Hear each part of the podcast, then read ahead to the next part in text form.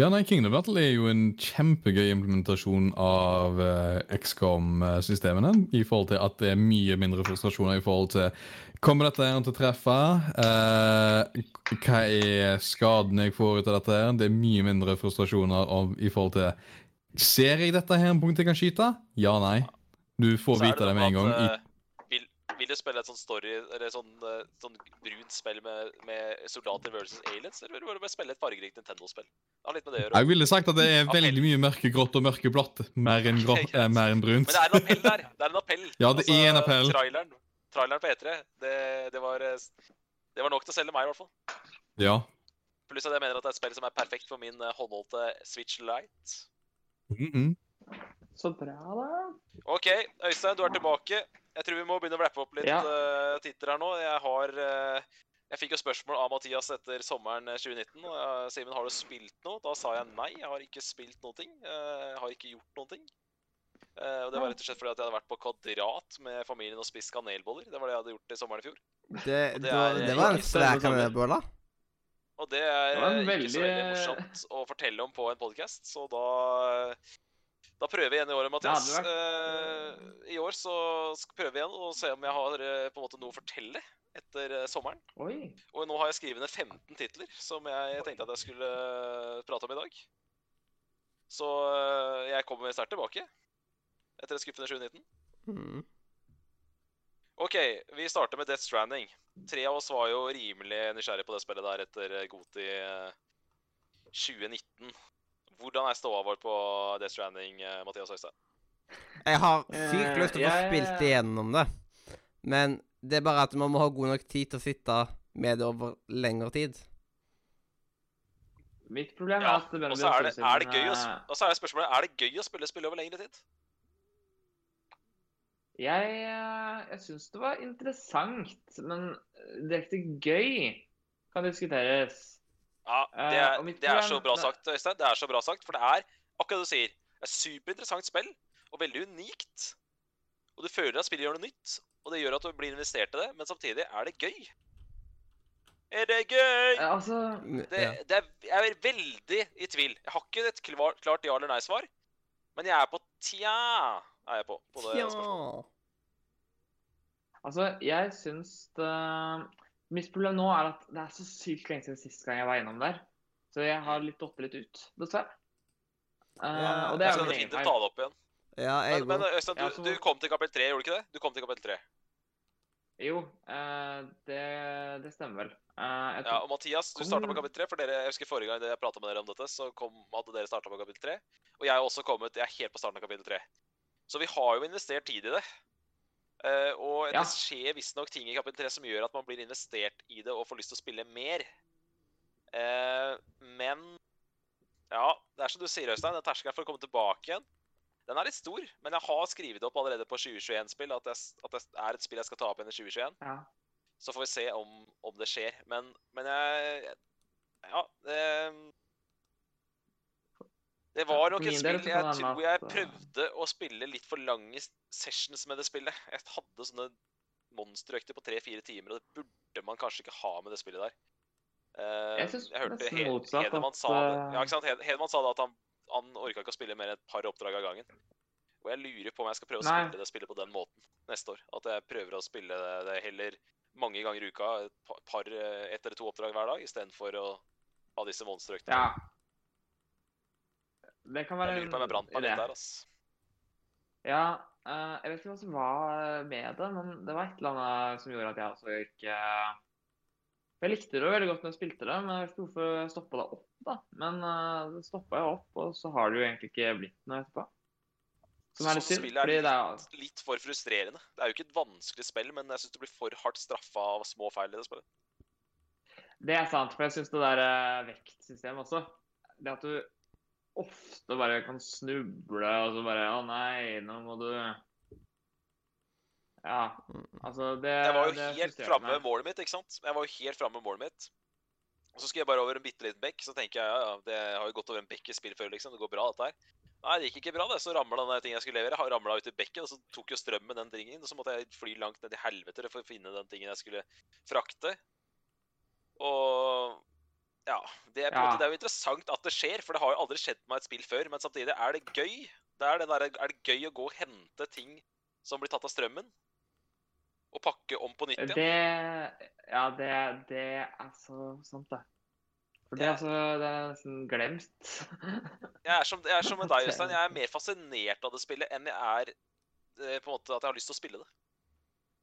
Eh, Mm. Samtidig så må jeg gi det en sjanse til òg. Et, et spill som tross alt vant Goti-prisen vår på altså ble kåret til årets spill på Radio Nordre i 2019. Jeg må jo gi det en sjanse til, så jeg må ta det opp igjen. Mitt problem med det også er egentlig det at eh, jeg har eh, Nå, i hvert fall. jeg, burde egentlig ha spilt det før, for nå har jeg jo ikke jeg lenger For jeg tok ikke med meg PlayStation min, så det kan hende at jeg plukker det opp i feriene, fordi eh, da har jeg tid, liksom. Ja. Eh, fordi jeg har ikke med meg PlayStation, så jeg får ikke spilt PlayStation her. Nei, jeg skjønner det. Uh, Nei, uh, Mik ja, bare fortsett, du. Ja, og det virker ikke altså Det har kommet på PC nå, men for min del så virker det ikke interessant nok til å kjøpe det spillet igjen på PC. Bare Nei, for, å, drit i det, da. for da måtte jeg spilt opp igjen mye også. Det, så det skjer ikke. Men uh, i feriene så så skal jeg jo spille mye PlayStation og sånt, så da det er fint. Så kanskje i høstferien at jeg prøver igjen. Det høres, eh, det høres ut som en plan, i hvert fall. Jeg vet ikke om det er en god plan, men det er i hvert fall en plan. Det er sant. Ehm, It's- Da tar jeg og prater litt om Fall Guys, jeg, siden eh, det allerede er nevnt av en annen person på dette showet. Ja, altså, jeg må jo bare berømme deg for å lage en multiplayer-spill som faktisk jeg liker. Det er jo ikke hver dag. Ja, for du er ikke så glad i multiplayer-spill? Nei, jeg har ikke akkurat et rykte på meg for å være veldig glad i multiplayer-spill. Eh, Så Nei. det må jeg bare si at uh, det spillet her, jeg døper det til uh, denne tittelen her og nå. Tidenes beste pick up and play-spill. Aldri Ja. før uh, følt at jeg har 20 minutter til rådighet, så kan jeg ta det opp, spille en runde og ha det gøy den runden der. Det er gøy idet jeg starter. Jeg må jo si at Fall Guys er kanskje det Altså, jeg, kan vi kan vi kalle det Battle Royale-spill? Ja, ja, ja. Det er, ja, det er jo det Jeg- jeg- jeg- altså- Hvis vi definerer det som Battle Royale-spill, så vil jeg si kanskje at det er det beste Battle Royale-spillet som finnes. For at ja, Ja, det er det. Det er så annerledes. Det er, det er vel det for meg òg. men i hvert fall eh, Men i hvert fall eh, det, det, For meg er det det beste pick up play-spillet jeg har spilt på år og dag. Ehm, jeg syns jeg, jeg trodde det Jeg spillet skulle være sånn spill som jeg kjøper det, og så spiller jeg det veldig mye en uke, og så er jeg lei av det etterpå. Men det har vært det motsatte. Jeg har spilt det litt hver dag. Hatt et sånn to-tre runder med det hver dag. Og syns fortsatt det er skikkelig gøy. Um, så det har vært Mm. egentlig Det det gitt meg en veldig annen spilleopplevelse enn jeg trodde. Um, men um, men det er, eh, det er klart, nå, er det, nå begynner jeg å bli litt lei av det samme som minispill av minispill. Men igjen, dette er, jo et spill som de skal fortsette å utvikle, lage nytt content til. Så når sesong to kommer, så er jeg sikkert i gang igjen og, og dunker på med det Mm. to-tre runder om dagen. Så det, det er et spill jeg kommer til å fortsette å spille, det er det ingen tvil om. Eh, jeg har skrevet lagkonker er ofte veldig irriterende. Ja, det er irriterende. Når det kommer til det jævla iggeminespillet, så er det jo Jeg føler det er 100% random hvem som går videre der. Det er ikke mulig å bli Ja, god det med det. Og det er bare For meg så er det sånn Ett lag får overtaket, og det, det laget går videre. mm. Ja, det er litt jeg, kanskje for random. mer, jeg ser mer eller mindre på det som umulig å snu eggbattle. Så det er kjipt. Eh, en ting som sikkert mange ikke liker med Fall Guys, men som jeg elsker, det er at det er et eh, battle royale det er umulig å bli god i. Og ja. For mange så er jo litt av greia med battle royale at man skal spille og spille og spille og bli bedre av å spille. Men Fall Guys har du faktisk muligheten til å vinne selv første runde du spiller det. Du er ikke sjanseløs aller første gang du spiller det. Ja, På hvor vant du er med å spille det. Tenker jeg, da. ja, det er sant. Du må i hvert fall lære litt kontrollene, men altså det som, Alle er i hvert fall på like linje. Mm. gjennom hele Ja, men da, altså, det, er ikke mange, det er ikke mange battle royals du har en sjanse til å vinne første Nei, runde. nei. Nei. Er sånn, du føler faktisk alle- at du har en sjanse i det spillet her. og alle, alle, alle, alle har jo sånn de samme Altså, det er liksom ikke noen som har noen spesial abilities eller våpen. For det finnes jo ikke. Alle er bare noen uh, sleklumper som bare skal fra Det er to knapper du trenger å bruke. Det er tre knapper å trykke på, og to knapper du trenger å bruke. Mm. Alle kan ha det gøy med det. Det er min mening. Ja, det. Du ja, trenger, det litt, du trenger ikke å like gaming for å kunne sette deg ned og kose deg med det spillet her, liksom. å nei. Det, jeg ser for meg at faren min kunne spille det spillet i mange timer. Absolutt, absolutt. Fotballminnespillet er ti av ti. Åh, ja. Eh, Det spillet er så bra at jeg håper de gir ut dette spillet som eget minispill. Eller eget spill. At, jeg, at det får en egen lansering. For det spillet syns jeg er for bra og for genialt til ikke til bare å være en del av Fall Guys. Jeg håper spillet burde bli gitt ut på egen, egen, eget uh, Få en egen release. Det som har vært morsomt, er hvis man, hvis Fall Guys, hvis man kunne la- lage to på en måte game modes, der hvor du kunne som, velge hvilke minispill du vil spille, og så er det sånn her som typisk som er sånn her automatisk turnering-type, da. Ja. Ja, det er Litt sånn som eh, Ja, litt, litt sånn som Mario Party, på en måte. At du har en egen eh, mode bare for å spille de minigamesa du liker òg. Ja, Mm. enig. Eh, Så håper jeg også at når de, de får flere minispill, så håper jeg at de dropper uh, lagkonkene. At det Ja. blir, går litt mer på skills. For det er klart at når du får fotball der, så føler jeg det er helt Altså, i starten så følte jeg det var masse med spennende fotballkamper, og da var det liksom, ofte så var det sånn 3-3 og sånn. Men nå er det sånn enten så vinner jeg 7-0, eller så taper jeg 7-0, liksom. Det er eh, det er så, det er så, Ja, det er så kjipt. Og så er det så kjipt at uh, fotballminnespillet kommer veldig ofte som semifinale. Så da er det hvis du på en måte taper 7-0 her, da, bare fordi du får drit lagkamerater, så mister du finalen bare pga. at du havna på feil lag, liksom. Sånne ting er så irriterende. Og det mest irriterende jeg opplevde i Fall Guys, det var når det var, det var, det var ni stykker igjen. Og vi fikk fotballminnespillet. Og hva betyr ni stykker? Det betyr at det ikke går opp. ikke sant? Det blir ikke fem på hvert lag, for det er kun ni stykker igjen. Og så havna Ja, jeg selvfølgelig på det laget med én mann færre. Og det føltes brutalt. Når jeg tapte en runde med én mann mindre. Og det er greit å være én mann mindre hvis det er 20 stykker igjen, men når det er bare ti stykker igjen, og det er fem på hvert lag, og det ene laget får fire spillere, og, det andre, og vi spiller mot fem Åh! Da hadde jeg bare klikka. Altså.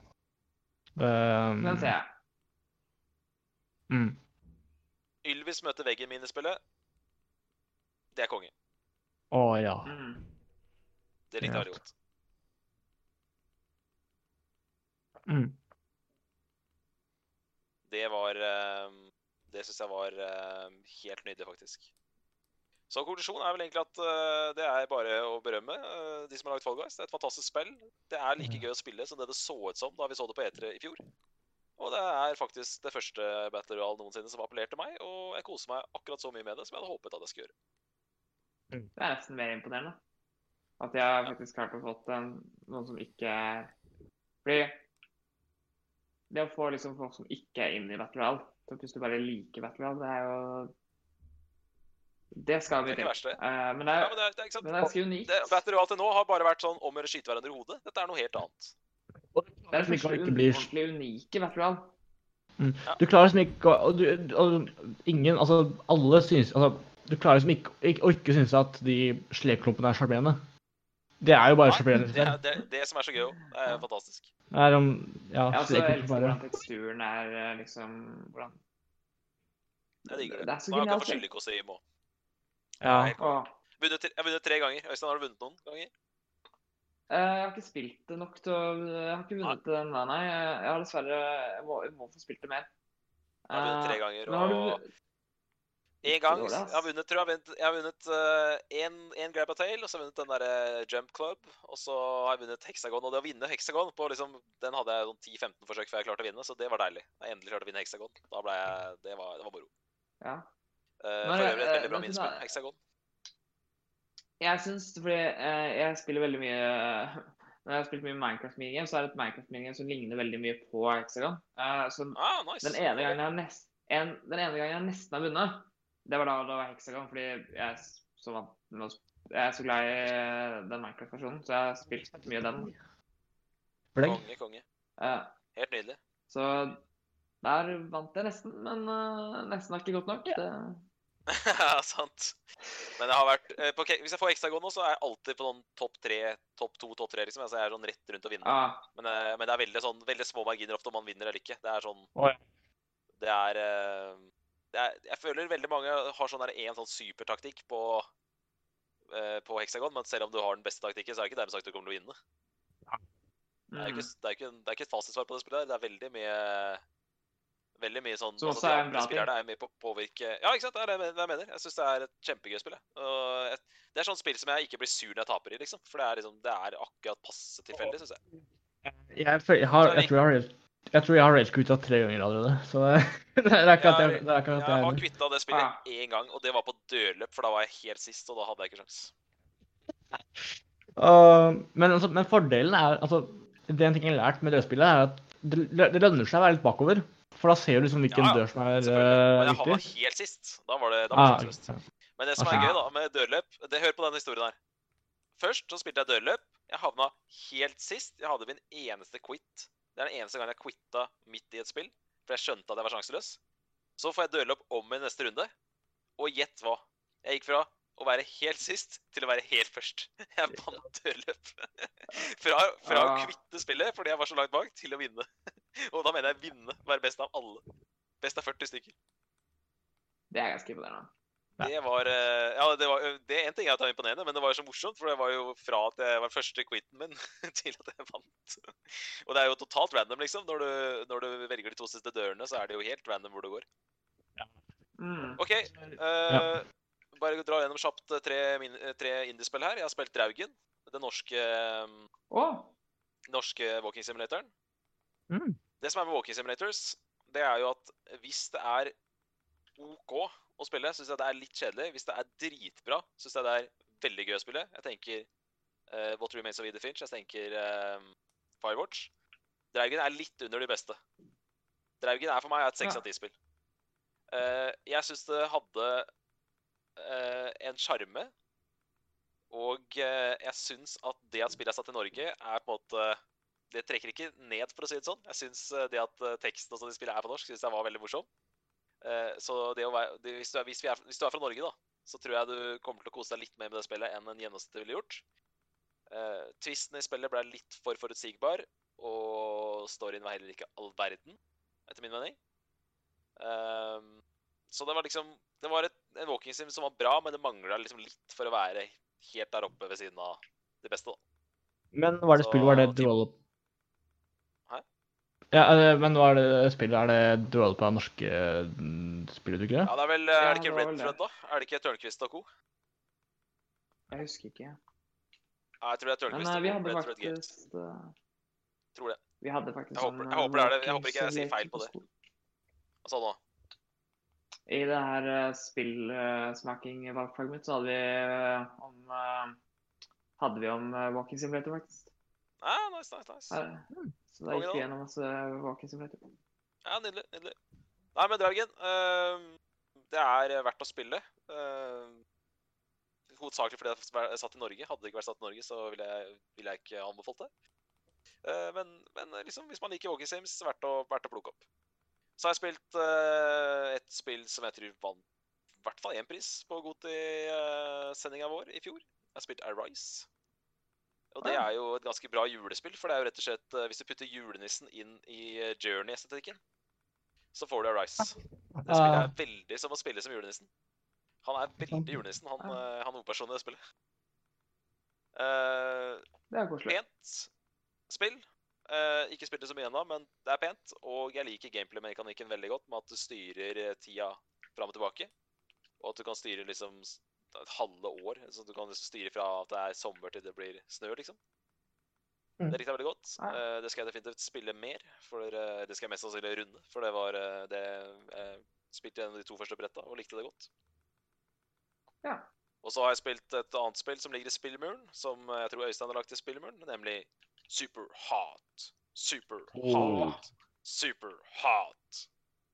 Og det spillet der har jeg, jeg, spilt som jeg har ikke har spilt før, og det er rett og slett fordi det ikke har vært tilgjengelig på, PS4, for da var det timed exclusive til eh, Xbox.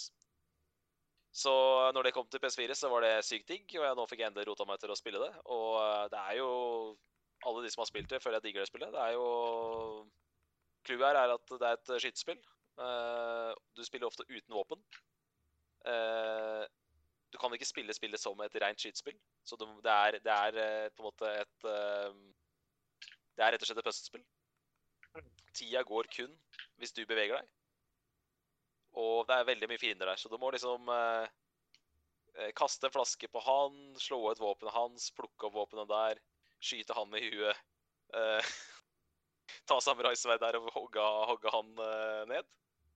Eh, og så er det som, i likhet med Super Meat Boy, så er det sånn når du klarer en bane, så er det Så ser du din playthrough-kortfilm, og det er veldig, veldig kult. Og så får du en stemme som sier 'super hot', 'super hot'. Yeah. Og det er eh, like gøy hver gang. Ah, Så nei, super hot. eh, det, er, det er et av de indiespillene jeg føler er mer enn bare en kul gimmick, liksom. Altså, det, er, det er en god idé som faktisk også er så bra utført at det er et bra spill. Så mm, det er en Absolutt. sterk anbefaling, Øystein. Og jeg, jeg slenger meg på den anbefalingen i spillet. Altså, det er et uh, kanonspill. Det er, det er et fantastisk spill. Og det verste av alt er at hvis man har VR, så er det enda bedre VR. Ja, og så er det vel en del C ute også, som er gratis for de som har kjøpt uh, Superhot. Så jeg lasta ned den. Jeg har ikke test, testa den ennå, men jeg lasta den i hvert fall ned. Den har ikke jeg fått, uh, den har ikke rukket å teste selv engang. Så Nei, Den lå gratis der, så jeg tenkte jeg må jo bare laste ned, så får vi se om det er bra eller ikke. ja. Er, Ok, da har jeg prata fire spill, så da kan, dere, kan noen andre ta over litt Uh, mens jeg tar meg en liten uh, Orgis break. Ja uh, Nei, jeg vet ikke hva jeg skal si. Jeg har ikke Jeg kan si jeg har jo brukt litt for mye penger på flysimulator den sommeren her. Uh, litt for mye, ja. Uh, så det har jo gått en del timer i flysimulator. For, meg, for min del, i hvert fall. Ja. Um, jeg har prøvd det nye Flight Simulator-spillet. 2020. Eh, jeg vil ikke akkurat si at jeg er imponert, men det har mye potensial. Eh, jeg vet at det har fått veldig mye ros for folk som ikke har spilt noen form for flysimulator eh, før. Eh, og det er jo veldig bra at man klarer å få en ny simulator som appellerer for Kall det nybegynnere, eller folk som ikke har vært i et forhold, eller som ikke har hatt et forhold til flysimulator før. Så det er veldig bra. Men ja jeg, Av min følelse så syns jeg at mange, det er veldig mange hardcore eh, flysimulatorspillere, eller ikke spillere, men som bruker flysimulator, som ikke er så veldig glad i det nye Flight Simulator 2020. Men ja. Det er jo smak og behag, tenker jeg da.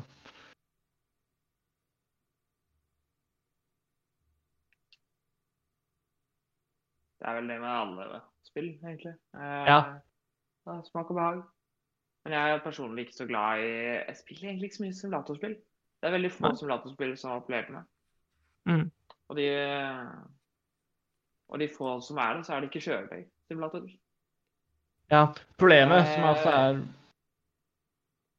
Problemet med- Cooking Simulator, for eksempel. Det, Nei, for at Problemet med altså spesielt Flight Simulator 2020 er jo det at det tar så himla mye eh, kraft av PC-en din. Eh, du trenger jo alt av det nyeste av grafikkort, prosessorer, alt mulig rart. Eh, og jeg som har et ganske greit grafikkort, klarer liksom å kjøre det i sånn mellom 30 og 20 FPS. Eh, på har du? RTX 2070. Og, du får ikke Oi. Ja, det er ganske- På maksgrafikk. Nei, nei, nei. nei. Det er ikke snakk om det. Det er snakk om medium. Men nå har, men nå har, jeg, en prosess, nå, nå har jeg en prosessor som er ganske, som bottlenecker ganske mye av PC-en min. Wow. Uh, så så jeg tror det er mye av det å si. Men det er folk også som har For eksempel, det er ikke et spill du, eller en simulator du kan ha 60, F 60 FPS på. Eller du kan, du kan ikke forvente å ha et 60 FPS med de grafikkortene som er ute på markedet nå. Selvfølgelig, nå har jo de nye Nvidia-kortene, sett 30-serien, har jo hatt mye å si de Ja. siste dagene. Så, og der er jo 7090 kan jo du kjøre 8K, eh, 60 FPS, hvis du har PC til det. Så, mm, så ja. eh, men, ja, så jeg forholder meg egentlig til de gamle, de eldre, simulatorene til nå, inntil at uh, Microsoft har klart å optimalisere simulatoren til at det er brukernes for folk som har litt mindre respekt, tenker jeg da. Uh, ja. også, det som er også spennende med uh, den nye flysimulatoren, er jo også det at uh, den bruker faktisk internett for å rendre inn bygninger og teksturer. Så du må jo også ha et ganske godt internett for at det skal rendre fort og um, bra. Så det, ja, det er en fordel å lure på. Mm. Det høres ut som spillet er veldig for sin tid, eh, kanskje.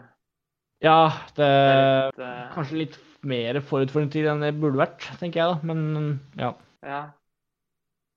Ja, jeg tenker litt sånn at uh, det er jo litt synd hvis uh, man ikke har PC til å kjøre spill, liksom. Det ja kan jo også gjøre, at uh, det ødelegger kanskje litt på salget på spill òg. Altså, de fleste kjøper jo spill fordi at de har lyst til å spille dem, så hvis ikke de har PC til det, så er jo det Ja, selvfølgelig en stor ulempe. Um, og jeg ser det er veldig mange som klager, spesielt de som er ikke nye, men som har spilt en del simulatorer før, uh, som klager på at det tar, tar, har litt for mye, tar litt for mye av PC-en. Eller, ja. Men det er jo snakk om at det skal, at det skal komme til nye Xboxen, uh, nye Free Simulator også. Noe som man kan diskutere om det burde være eller ikke være. Uh, men ja, det, det er ikke opp til meg, og det, skal, det er ikke jeg som skal um, judge noen. analysere det. Ja. Eh,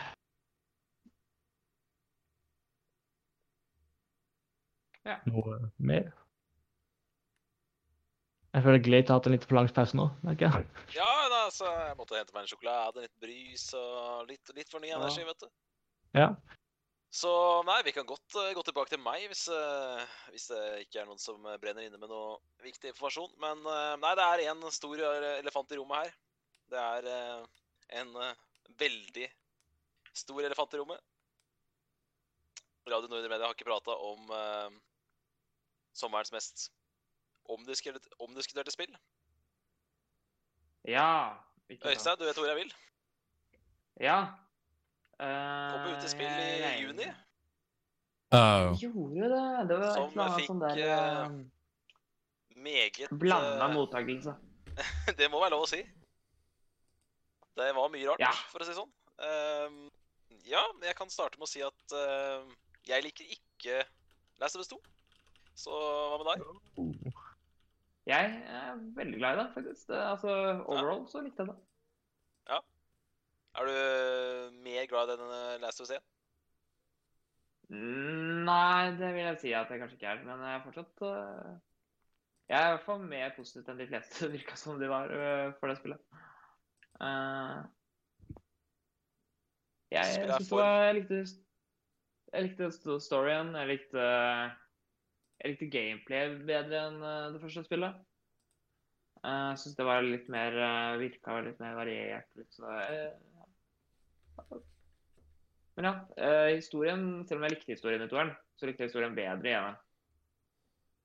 Det gjorde jeg. Spillet er for langt. Ja, det, akkurat det Altså, jeg, jeg Det mitt største problem når det gjelder lengde, er at jeg syns den derre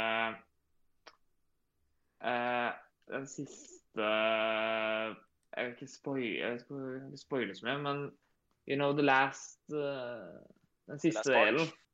Ja da. Du skjønner kanskje hva jeg mener? hva jeg mener Ja da, jeg vet hva du mener. Den- Ja da.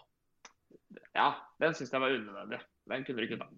For den, eh, den la ingen- Jeg syns ikke den gjorde noe Altså, den gjorde, la ikke til noe. Nei. Du, hvis du skjønner hva jeg mener? Nei, jeg syns jeg er helt enig.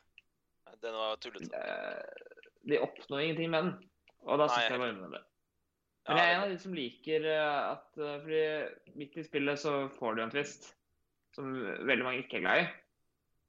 Men den twisten Ja. er jeg mer glad i. kan ikke helt forstå du, hvilken twist du mener der. Men ja, du, tenker, Altså du, tenker, du tenker på den, den der, ja?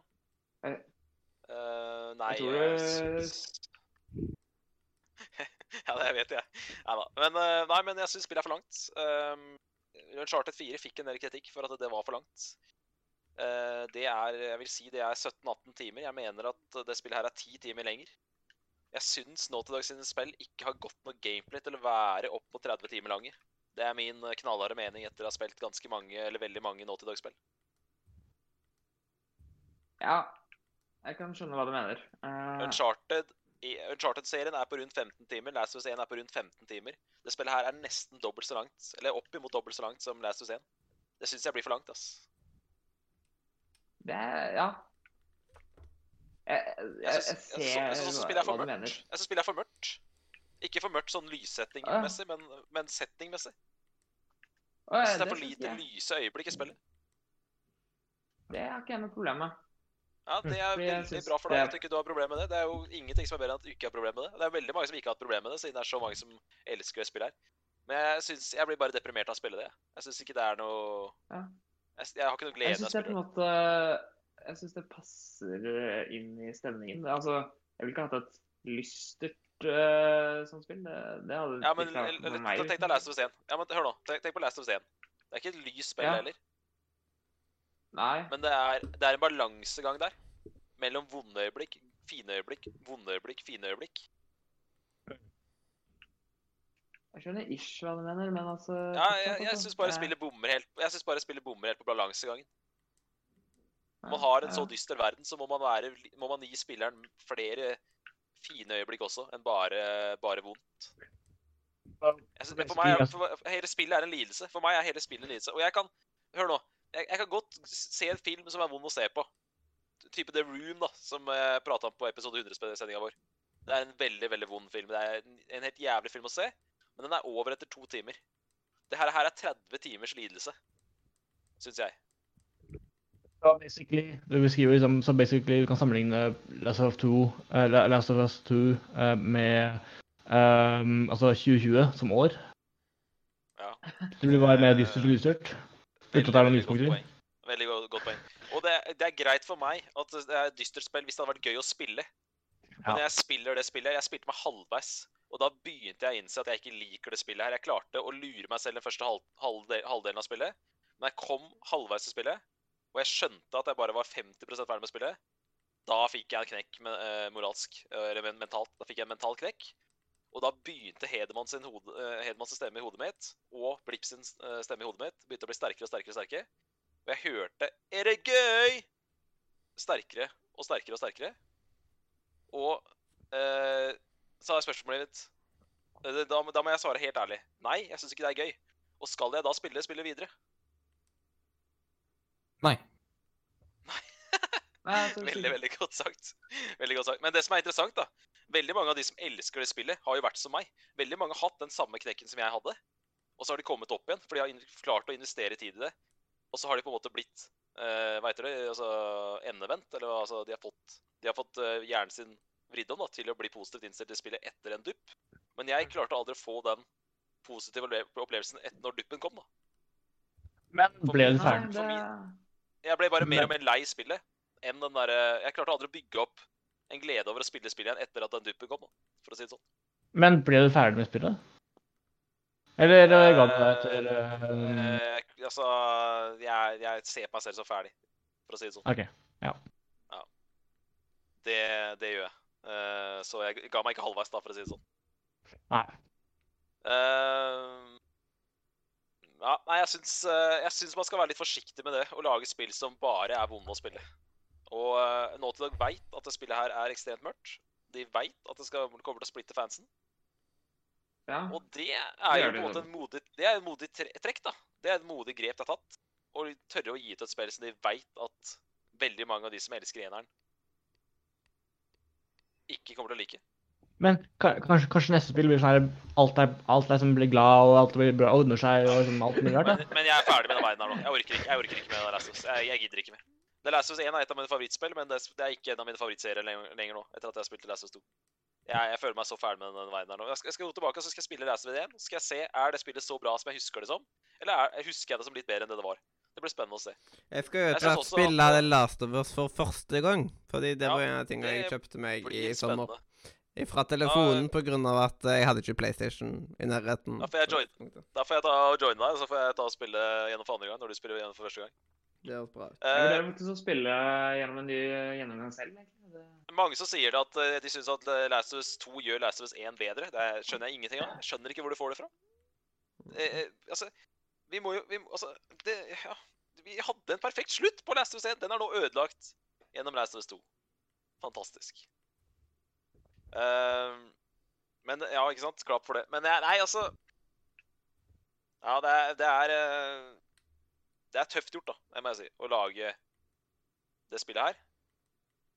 Men jeg skulle ønske at de lagde Altså, det, det, for meg å, å spille Last of Us 2, det er for meg Det er den oppfølgeren som Det er ikke et dårlig spill, men serien går i en retning som jeg ikke liker. Ta for deg, Hvis du husker Kingsman, Kingsman 1, den filmen Kingsman 1. Det er Åh, fantastisk ja. action. Ja. Vi elsker den filmen. Vi, vi, ga den, vi ga den masse løv når vi hadde kåra beste filmer eh, når vi hadde den beste filmespesialen. Kingsman 2, jeg gleda meg enormt til Kingsman 2. Kingsman 2 var en skikkelig skuffende oppfølger, fordi de tok den filmserien som de kunne gjort så mye kult med i en oppfølger, de tok den til en retning som jeg ikke likte. Kingsman 2 var, var en uh, OK actionfilm. De bygde ikke videre på det dritkule universet som de bygde i den første filmen. Og det her, her for meg føles litt som spillenes svar av Ja, men uh, de gjorde det, Øystein. De gjorde det. Jeg prata med deg, om dette før. ja. Uansett, dette her var min, min Last of Us 2 var mitt svar på Jeg syns det er spillende svar av Kingsman 2. Dere kan jo bare velge over som ikke anerkjenner Last of Us 2, eller Last of Us 2 uh, som Ja. en del av serien. Jeg er jo ikke akkurat aleine. Jeg er ikke akkurat aleine med å sitte her og ikke liker eh, Last of Us 2. Det er jo nok av folk som, som er der. Men uh, Men uh, ja, det det er, det er sant det du sier. Man kan velge å ikke anerkjenne det. Og eh, Og det kan vel hende at jeg skal gjøre det til slutt. Uh, nå har vi prata litt generelt om dette her. Nå skal, vi se, nå skal jeg ta mine notater mens jeg spilte. Skal jeg finne fra notatene mens jeg spilte. Skal jeg se hva det står her. Ja, det første jeg skriver, er masse gode referanser. Det er det jo. Der er de gode. Øystein? Ja. Ja. er gode på referanser. Det er jeg notert. enig. i. Det er det.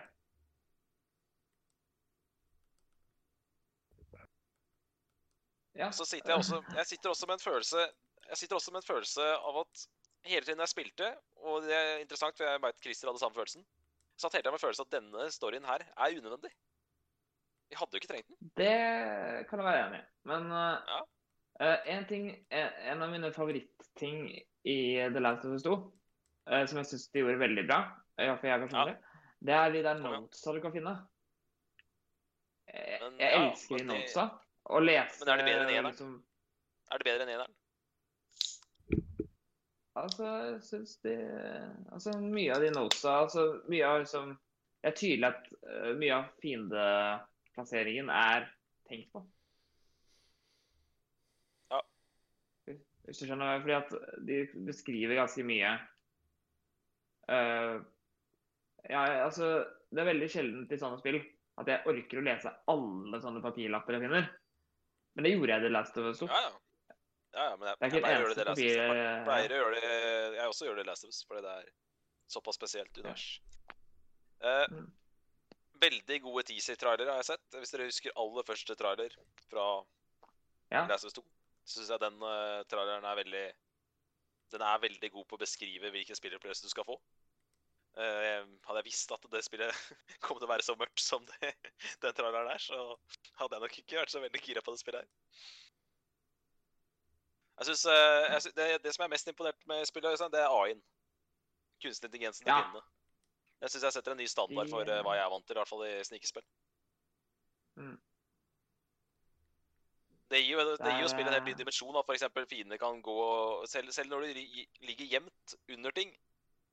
Selv da er du ikke trygg, for fiendene kan jo bøye seg ned og sjekke under huset og sånn. ja. Om det ligger folk eh, kryp, krypig sammen der. Og her kommer, her kommer poenget mitt. Eller her kommer et av mine viktigste grunner til at jeg ikke liker spillet. Jeg syns det er teknisk imponerende at fiendene hele tiden er i bevegelse og hele tiden leiter etter deg. Men gjør det spillet mer morsomt å spille? At du aldri er fuckings trygg i det spillet her? Det gjør det mer utfordrende. Jeg syns ikke det. Jeg, ja, det gjør det mer utfordrende, ja. Men Og det eh, skaper stemning. Ja.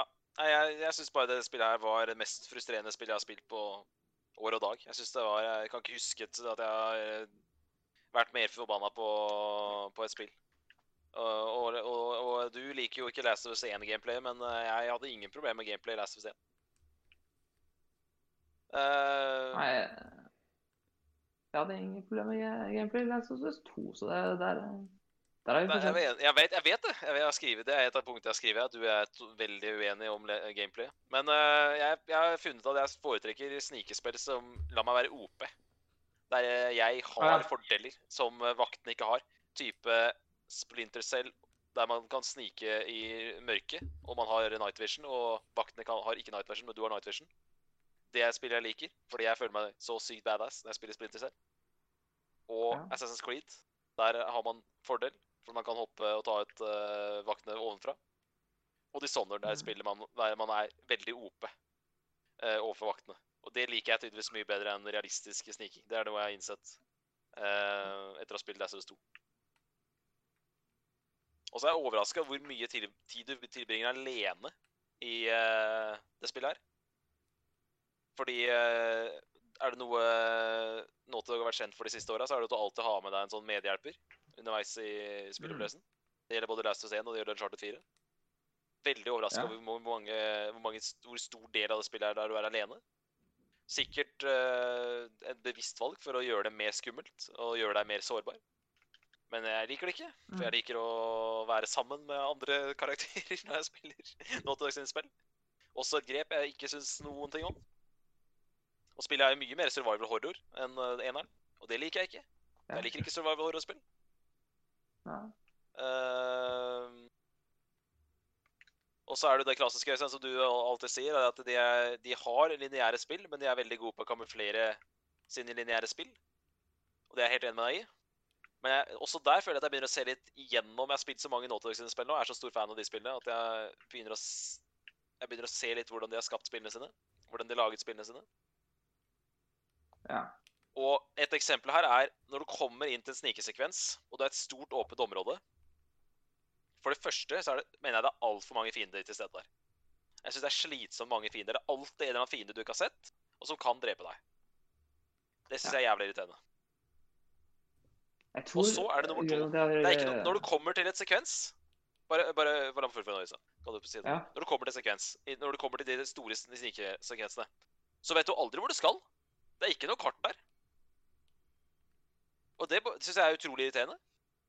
Så hvis du går riktig vei, så kan du komme deg gjennom de sekvensene på veldig veldig kort tid, fordi du bare tilfeldigvis finner riktig vei. Eller så kan du gå og leite og leite og leite og leite og leite, og ikke komme videre, fordi du ikke finner den ene døra du skal inn i. Det, det der er så utdatert eh, må, måte å lage spill på at jeg får fnatt. Det er sånn PlayStation 2-logikk som jeg begynner å irritere meg noe jævlig. Det irriterte meg ikke for bare noen få år siden, men nå har spillmediet kommet så langt at det der irriterer meg. Og i tillegg, hvis du har fiender etter deg, som har oppdaga deg, så kan du gå inn ei dør. Og så er det bare de fiendene som er bak den døra, de bare, de bare forsvinner. De bryr seg ikke om deg lenger. Bare du, bare du finner den ene døra som er riktig. Og Det er sånne ting som jeg ikke har hengt meg opp i på Naughty Dog sine spill før. For jeg er så stor fanboy.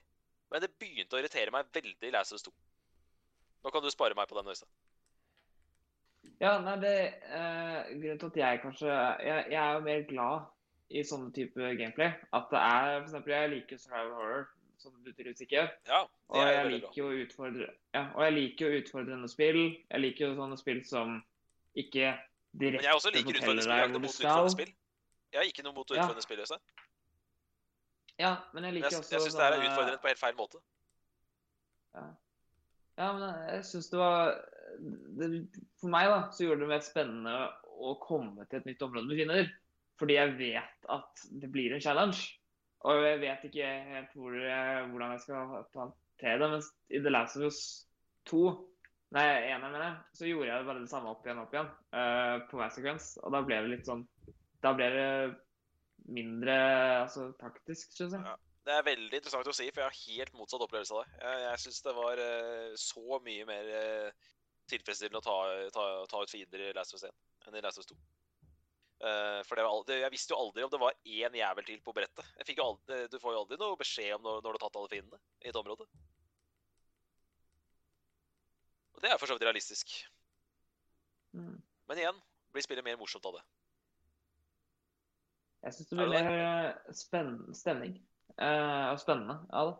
Ja, At, men det er jo tydelig eh, veldig mange, som, veldig mange som liker det. Det er ikke det. Men jeg syns, jeg syns den den, den eh, altså, nest, altså neste generasjons uh, Naughty da. Jeg syns bare Jeg syns de fikk mer igjen for å lage en sånn semi-open world i Uncharted 4 enn de fikk i Last 2. Men det kan også hende at jeg husker Last 1 som litt bedre enn det det egentlig er. da. Kan hende at jeg ikke får, har den samme gode opplevelsen hvis jeg går tilbake og spiller Last 1 om igjen. Det kan hende. Kun spilte det én gang. Det, jeg spilte det den sommeren det kom ut. Og det er jo Ja. gått syv år. Nei, jeg har spilt Så det kan godt eh, hende. Jeg har spilt eh, Jeg tror jeg spilte to eller tre ganger. Men der har du også kanskje stikkordet mitt. da. At det er en såpass deprimerende verden at selv om det er liksom topp tre all time for meg, Last of Us så har jeg bare spilt det én gang. Mm. Og Det er fordi at jeg syns det er vanskelig å motivere seg til å spille det spillet om igjen. Ja. Og jeg har også skrevet 'ikke spesielt gøy å spille'. Det er jo det jeg sitter og gjentar hele tiden her nå. Ikke spesielt gøy å spille. Aldri i nærheten av det samme mesterverket som nummer én. Det Det er vel også du nesten er enig Øystein? Der er sånn- vi er- Hæ? Altså Ja, du- du mener det er jevnt? Altså, når det gjelder gøy å spille, så Ja, mener jeg jo motsatt av det. Ja, ja, det, det er skjønt. Det er Men, skjønt. eh, ja. Men storymessig så er jeg nok enig i at, øh, at det første var øh, klart øh, bedre, egentlig. Eh, altså, historien der Selv om jeg syns historien i toeren også var interessant, så var den ikke like Altså Jeg ville jo fortsatt Det, var samme greia sånn som i eneren, at jeg hadde lyst til å finne ut hva skjer, hva, what's the next? Ikke sant? Jeg hadde ikke den i det hele tatt. Eh, Jeg, jeg, jeg dreit i hvordan det gikk i storyen. jeg. Eh, Jeg brydde meg ikke noen ting om noen av karakterene. Og det er også ganske utrolig når du har Ellie, som er en av de beste spillkarakterene vi har fått i et spill noen gang, som jeg slutter helt å bry meg om det spillet her. Og Det er også et av problemene for meg med spillet, at det, det har skjedd for mye. Fra du slutter Last of Us 1, altså fra rulleteksten går i Last of Us 1, til Last of Us 2 starter, syns jeg det har skjedd for mye. Jeg kjenner ikke igjen Ellie som karakter. Jeg vet ikke hvem Ellie er lenger. Det syns jeg også er et problem. At De bare hopper fire år fram i tid. Jeg kan se Den, den ser jeg litt. Ja, der var du litt enig med meg. jeg Eh. vet. For du, skrev, du skrev dette, der skrev du faktisk du at du også kunne tenke deg et spill som tar for seg de fire åra som har gått mellom de to spillene her, og ikke Ja, spill som hopper fire år fram i tid. Mm. Uh, Patruljedelene altså, Det er interessant, for i Last of Us 1 så føler jeg aldri at fienden veit at du er der. Jeg føler alltid at du har overraskelseselementet. Men i Last of Us 2 så er, er disse patruljene som kommer etter deg, de er jo alltid på jakt etter deg. Også et Ja. problem for meg. At, de har, at det kommer patruljer etter deg. I Last of Us 1 var det mer sånn én og en fiende som du kunne knerte. Eh, og jeg syns også det var Ja. mye, mye bedre. Det fungerte mye bedre. Men igjen, da. De, de tar jo på en måte serien litt Jeg skjønner jo hvorfor de har gjort det. Det er for å lage et spill som føles som et neste generasjon, generasjonsspill. Og det funka for deg, Øystein, så det er, det er fortsatt greit, det, altså. Men de patruljene syns jeg ble veldig irriterende ofte. Og så har du en av mine største problemer med spillet. Det er de jævla hundene. Altså, disse patruljene har med seg hunder alle fuckings sammen. Og jeg har aldri hata en spillfiende så mye som jeg hater bikkjene i Last of Us 2. Fy faen for noen drittfiender, ass. Hater de jævla bikkjene. Og så leser jeg på nettet sånn at det var så mange som syntes spillet var kjipt, for du må ta livet av hunder og sånn i spillet. Og jeg kunne ikke brydd meg mindre om de hundene. Jeg bare drepte alle hundene. Det var så deilig å bare drepe de hundene. Bare Ja. fikk så stort hat til de jævla hundene. Og når jeg leste det at folk satt og sippa på nettet fordi de måtte drepe hunder, da tenkte jeg her er beviset på at jeg er en katteperson. Det er tydelig at de ikke er så veldig glad i hunder. Ja. Uh, en annen ting jeg har skrevet her, det er at i 2013 så spilte jeg jo um, Last of Us 1 bare et par måneder før GTA5 kom ut. Og um, GTA5 har jo dårligere grafikk enn Last of Us 1, men en ting som imponerte meg veldig når jeg spilte GTA5, det var at de hadde sømløse overganger fra gameplay til cutscenes. Fra cutscenes til gameplay. Eh, Ja. Det hadde ikke Last of Us 1, men her har Naughty Dog gjort det, vet du. Eh, der. Det var en Mm. ting jeg la veldig merke til i Last of Us 2. At det spillet her har de naila det. Her har de fått til, fått til sømløse overganger. Du glir ut og inn av cutscenes helt sømløst. Det er vel nesten ikke load-in screens etter å ha loada spillet første Altså uh, Du loader liksom når du starter spillet. Det kjenner deg på alle spillet Det er at du, det tar litt lang tid å laste inn, men når du først laster inn, da kan Ja. du spille gjennom én en city. Det er veldig digg. Alle Charlotte-spill er sånn, og Last of Us 1 er sånn også, hvis jeg ikke husker feil. Mm. Ja. Uh, og det syns jeg Det syns jeg er digg. Altså, det er litt Altså, det er, det er ikke sånn kriselang eh, sekvens egentlig heller. Eh, denne loadingen. Eh, den er litt lang, men det er bare det at Du vet når den er ferdig, så slipper du å tenke på det til neste gang du skal starte spillet. Totalt sett så er- det, så er det liksom ikke like karakterene, ikke like storyen. Og jeg bare syns gameplay-messig at det spillet er utrolig frustrerende. Så jeg har hatt veldig mye problemer med det spillet her som eh, er, for, er, er sjokkerende, i og med at jeg er en så stor Naughty Dog-fan som jeg er. Så synes jeg, Hadde det vært en annen utvikler, så hadde jeg driti i det. Men i og med at det er Naughty Dog, så er jeg veldig, veldig overraska. ja, jeg skal skrive det samme som du sa, Øystein. Øystein og jeg er totalt uenig om forskjellene Vi har veldig forskjellige oppfatninger av Last 1 og Last 2. Det er jo nærmest sagt, det. Det er jo bare, bare gøy at vi har forskjellige oppfatninger av det. Jeg er jo glad jeg for alle, Ja.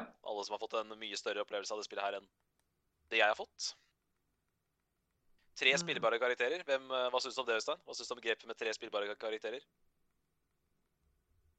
Nei, altså Jeg syns eh, Altså Jeg altså Ja. eh, Det, jeg likte det egentlig litt. Ja. Eh, for jeg likte at vi fikk begge Vi fikk på en måte begges eh, perspektiver, da. Vi fikk flere perspektiver på den tematikken. Jeg er en person som egentlig liker veldig godt historier som er fortalt fra flere vinkler, men jeg likte ikke denne her i det hele tatt. Uh, det må jeg bare si. Uh, jeg syns de burde fokusert på Jeg syns de burde fokusert på én side av historien. Fordi det endte med at jeg ikke fikk noe sympati for noen av karakterene, istedenfor at jeg har fått veldig mye sympati for én karakter. Så Men igjen vel, det, det, det, også det er kanskje det mest interessante med den splitta fanbasen. At de som liker spillet, de liker de fordi historien fortelles på den måten det gjør. Og de som ikke liker det, de liker det ikke fordi historien fortelles på den måten det gjør. Og for meg så var det med på å ta meg ut av historien. Ja. Men du likte det, så det er veldig bra for deg. Igjen er kjempehyggelig for deg. Eh, Og det, selv om jeg sier det på en ironisk måte, så mener jeg det. Jeg er glad på alle andres vegne. Jeg bare, blir bare så frustrert av å tenke på min opplevelse av det spillet her. For det her, her var en frustrerende spillopplevelse. Eh, ja, jeg- igjen så hater bikkjer. Mye frustrasjon har jeg skrevet. Og så er det én ting som jeg syns Naughty Dog har et problem med, og en annen ting som jeg syns Naughty Dog har et problem med. Det er at de har én sånn gameplay-mekanikk som de bruker i hver, hvert jævla spill. Som du, de, de viser deg starten av spillet, og så skal man bruke det gjennom hele fucking spillet. Og i det spillet her så er det presse seg gjennom trange sprekker med X. Du må trykke på kryss for å skvise deg gjennom en, en, eh, sånn sprekk. Og det gjør du helt i starten av spillet i prologen. Og det gjør du gjennom fuckings hele spillet. Og når det skjer i den 25. timen med fuckings X-ing for å komme deg gjennom en sprekk, da bare klikker det for meg, ass. Det kan jeg Igjen? være litt enig. Jeg syns ikke Jeg syns ikke Naughty Dog har godt no Altså, Naughty Dog de er veldig gode på De er best i bransjen på veldig mye, men de er ikke best i bransjen på gameplay. Så jeg syns ikke gameplay i Naughty Dog sine spill er go godt nok til at de bør ha, lage historier på over 20 timer. Jeg syns at Last of Us 1-lengden synes jeg er en veldig fin lengde. Uncharted 4 og Last of Us 1. Pluss minus 15 timer. Det er der Naughty Dog bør fokusere på å la, lage spill framover, mener jeg. God of War derimot, bedre gameplay, da tåler jeg 25-30 timer. Uh, det virker som Naughty Dog er glad i Spielberg, for det er jo kraftige Spielberg-referanser. Det er jo den der en, den der ene haien mot slutten av spillet, Øystein. Du møter jo en hai Ja. mot slutten av spillet. Da bare tenkte jeg «Å, ok, her er det Jaws-referanse, ja. Rett i trynet. Det var basically å få Jaws i trynet. Hva Hva bytte gå til neste spill? ja, vi er, vi er på slutten her. Vi er på slutten. Er det? Mm. Eh, vi er på Spielberg-referanser. Og så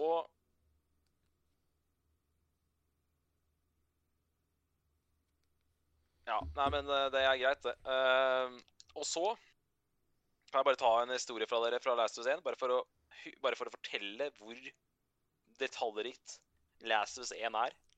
Nå har vi snakka veldig mye Nå har Last of Us fått veldig mye oppmerksomhet eh, denne sendinga, og må holde holdt Ok, på Så du vil ikke ha den historien fra Last of Us 1? Nei, det er greit. Vi kan, vi kan godt ta Last of Us 1-historien en annen gang. Det er helt greit. eh, Det er helt Ja. greit, Mathias. Det, det er helt greit. Vi har eh, Vi kan godt droppe den. Det er fint, det. Men for å oppsummere, da, så mener jeg det spillet her er for langt. Jeg mener det spillet her har til nå til å være elendige karakterer. Man bryr seg ikke om noen. Jeg vet mange er uenig med meg, men jeg brydde meg ikke om noen. En story som mangler overraskelser. Den historien her er litt som om jeg skulle sitte på ungdomsskolen og lage en, en fortsettelse.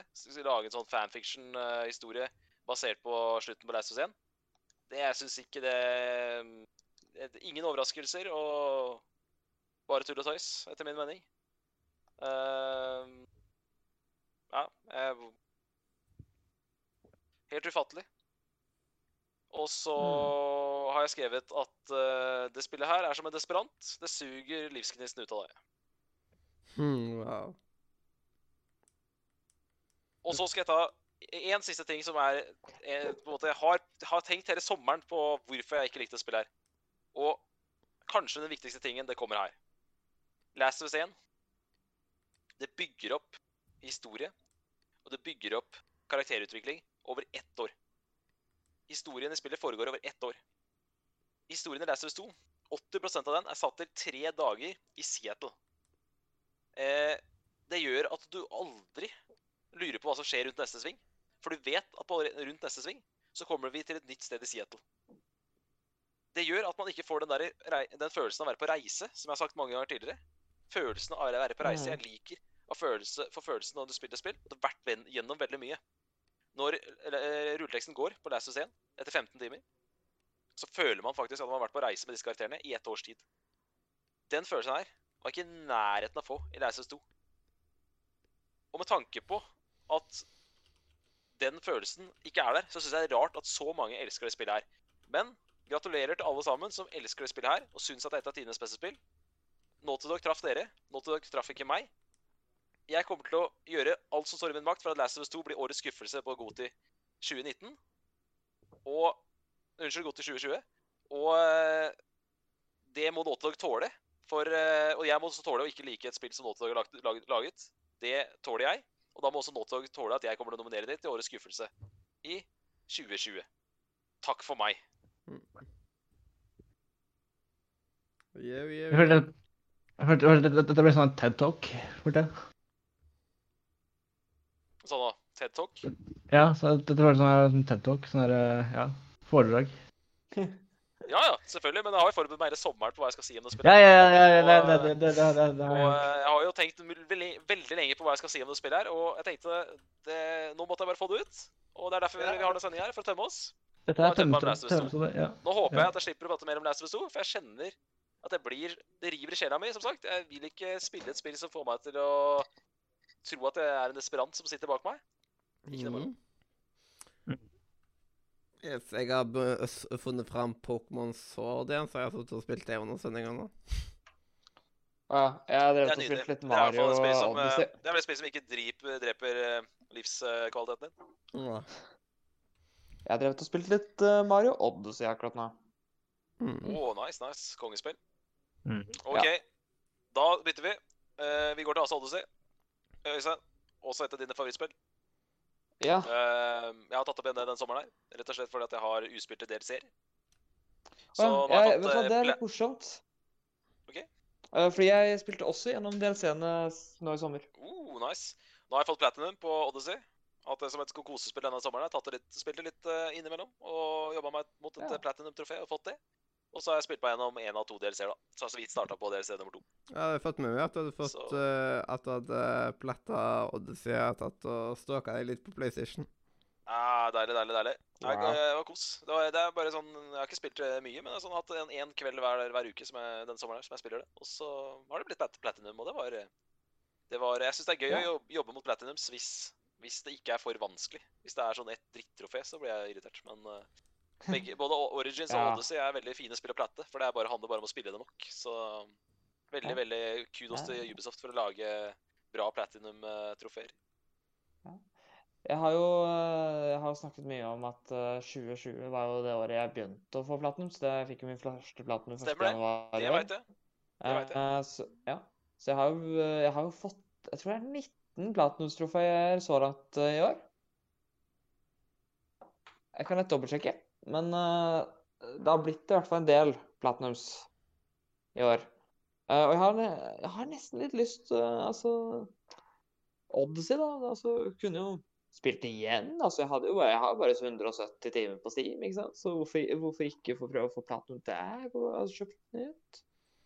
Ja, hvis du har salg, da. 170 timer, så er du, du kan ikke være langt unna Platinum da, da.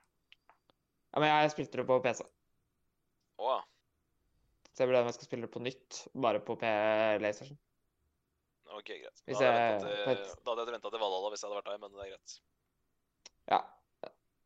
Ja. Uh, Valhalla blir nok også på, uh, på, på, på PC. Uh, fordi jeg har ikke PlayStation min her. Eh, jeg, ja, det er faktisk Jeg husker nøyaktig riktig. Det er 19 Platinum Trophies så langt i år. Ja, konge. Det er mine 19 eneste Platinum Det er imponerende. da. Det er jo ett et, et annethvert uke, det, så det er jo meget bra. Ja. Jeg var veldig aktiv i starten. Eh, jeg fikk jo min første platinum 1. januar. Da jeg bestemte meg for å ja, vi skal skaffe oss noen platinums. Og så fikk jeg den andre 2. januar. Og så fikk jeg den tredje 4. januar. Men Ikke tredje, men ja, fjerde. januar. eh, Det er nydelig. ja, jeg prøvde, Vakkert. jeg prøvde faktisk. Men Tilbake til The Last ja, of Us. Jeg gleder meg til å høre Mathias sin opplevelse av The Last of Us 1. Fordi jeg Mhm. trenger vet du hva, det gleder jeg meg også til. Jeg trenger å bli min Mathias, jeg trenger å bli minnet på hvorfor jeg lik, liker den serien her. Og hvorfor, hva, hva Hvis- Last of Us 1 ga meg. Det trenger jeg nå etter Last of Us 2, så det, det kjenner jeg at jeg trenger å høre deg prate om det spillet. Yes, yes. Det er også spe altså, ja. jeg, jeg gleder meg også til å Fordi jeg, jeg er jo enig om at vi, vi, selv om vi er totalt uenige om The Last of Us 2, så er begge to enige om at The Last of Us 1 Ja, men vi er, er et vi er enige om mye òg, for det, vi har hatt diskusjoner den sommeren der. Og, og øh, du var jo litt kritisk, jo, til blant annet storyen. da. Ja, noen deler av den, men uh, nå som jeg har latt den synke, så er jeg, jeg liker den. Men, uh, Ja, det er greit. Det er men nå har vi hatt jo- mer enn nok diskusjon om dette spillet, kanskje. Det har vi. Det har vi. Det har vi. Mhm. Ja, Kan jeg få prate om neste spill? Ja. Ja. Vi kan Ja, det, ja. Så vidt. Det er koselig. du- Da skal vi til, da skal vi til en annen Øystein-favoritt. Vi skal nemlig til øh, Jeg har spilt mitt første ja, For første gang i mitt liv så har jeg virkelig satt meg ned med et Zelda-spill den sommeren der. Og så har jeg spilt Windwaker. Oh, så hvilken ja, Øystein. ord- spilt Ja. VU, den der berømte? VU-en som mye omtalte VU-en fra tidligere i dag. Nei da, men eh, det er jo, den, det er jo, det er jo gra den grafiske stilen som er grunnen til at jeg har lyst til å spille det her foran andre Zelda-spill. ja. Det har jo vært det er jo, eh, Det er jo et helt nydelig spill. Og sånn, Men jeg merker jo at det er en spill liksom, som er laga for noen år siden. For det er jo på en måte Hvis du får beskjed om at du må kanskje sjekke ut den ene tingen der på andre siden av øya, eller på andre siden av kartet, så må du huske det, liksom. Du får jo ikke noe, Det er ikke noe cursor eller marker eller noen sånne hjelpemidler her. Så Ja, det er det ikke. Det var litt sånn eh, Det har vært litt sånn Halvparten av tiden har jeg elska det, og halvparten av tiden har jeg vært litt frustrert over fordi jeg ikke veit hvor jeg skal gå og sånn. Så det har vært litt, uh, litt blanda opplevelser der, men eh, det, er, det er sånn selv det, jeg, jeg skjønner at folk er glad i den serien, men jeg sånn, klarer ikke helt å, å kose meg like mye med det som altså, det, Jeg føler ikke at det er helt så bra som alle sier at det er, men eh, for all del. Det er jo et, eh, det er et kanonspill. Det er, det er i hvert fall et kosespill, i motsetning til eh, visse andre spill jeg har prata om i dag.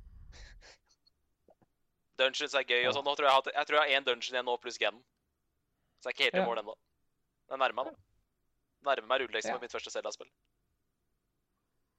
ja. Musikken er Har du konge. planer til å plukke opp uh, Breath of the Wild og sånn Switch, da?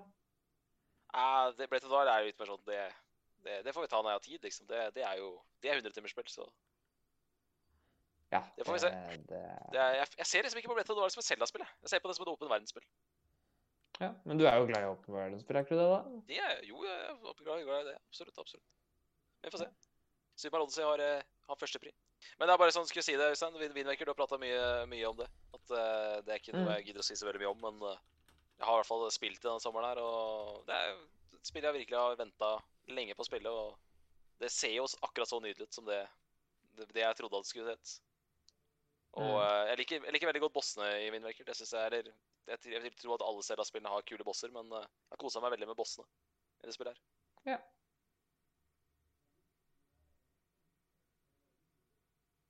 Og så er det en serie som vi prata om eh, forrige uke, nemlig eh, Yakuza.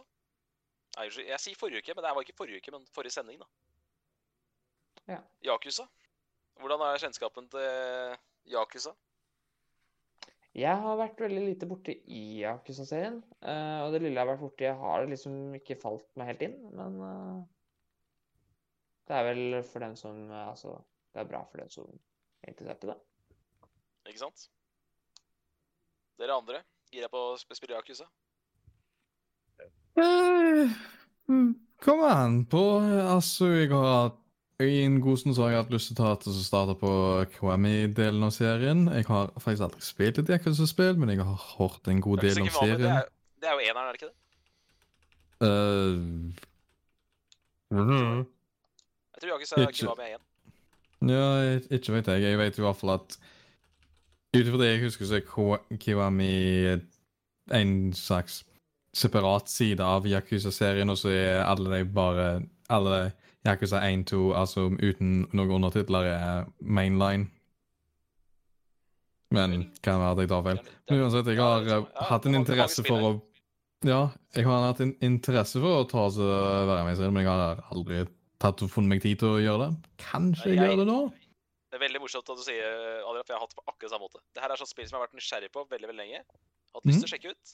Jeg har ikke fått ut fingeren, men nå har de remaka hele dritten til moderne konsoller. Så nå er det Mhm. jo bare å starte på zero og bare spille seg opp. Yakuza Zero, Yakuza Kiwami, Yakuza Kiwami 2 osv. osv. -hmm. Eh, det som er spennende I fjor så kom det et spill som er et sånt Det er, det er fra samme studio. Jeg Tror det er samme universet. Det er et sånt sideprosjekt. Eh, det heter Judgment. Det ble Mm. mitt inntog til denne serien. For det var sånn fint spill Mhm. å starte på hvis du ikke har spilt noe Yakuza før. ikke er så veldig inne i dette. For det er en egen hovedperson, ny hovedperson, sånne ting. Og det var Mm. right up my alley. For det er en detektivhistorie. Og det kommer fram på forrige sending at jeg er glad i detektivhistorier. Og her har du faktisk en detektivhistorie.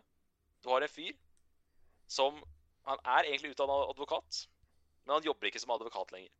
Han har av diverse Mm. grunner, som du får vite i prologen, slutta som advokat og begynt sitt eget privatdetektiv eh, foretak. Privatdetektivfirma. Jaha. Og så begynner det, ikke sant. Så, og det som er gøy med han fyren, at han, han har kontakter til Yakuzaen. Så han er liksom sånn derre Han har liksom Han har én side innenfor loven med, med sin øh, advokatutdannelse, og så har han den andre siden i øh, denne byens underverden i form av Yakuzaen. Det var veldig sånn derre Veldig morsom eh, Veldig morsom Veldig morsomt konsept for, for en detektivhistorie, da.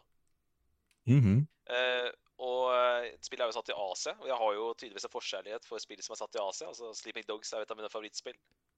Uh, og eh, ja, det er sikkert eh, en god del andre eh, eksempler som jeg ikke kommer på akkurat i farta, men i hvert fall Sleeping Dogs, personlig favoritt. Eh, Christer sa det forrige uke. Gameplayet i Yakuza-spillene er ræva. Det er nok fordi han har spilt de gamle Yakuza-spillene. Det blir nok bedre i de nye. Jeg har annet hørt at eh, i Yakuza 3 eller fire, så kan man sette seg i en bil og kjøre rundt i en bil litt som en GTA-klone. Eh, men, eh, men Judgment er mer sånn gammeldags Yakuza, der man bare løper rundt i byen, liksom. Veldig sånn liten by. Man løper rundt. Men selv om gameplay er dårlig, så gjør ikke det meg noe. Når storyen er så kul som den er i, i, i Judgment. Storyen er eh, meget bra.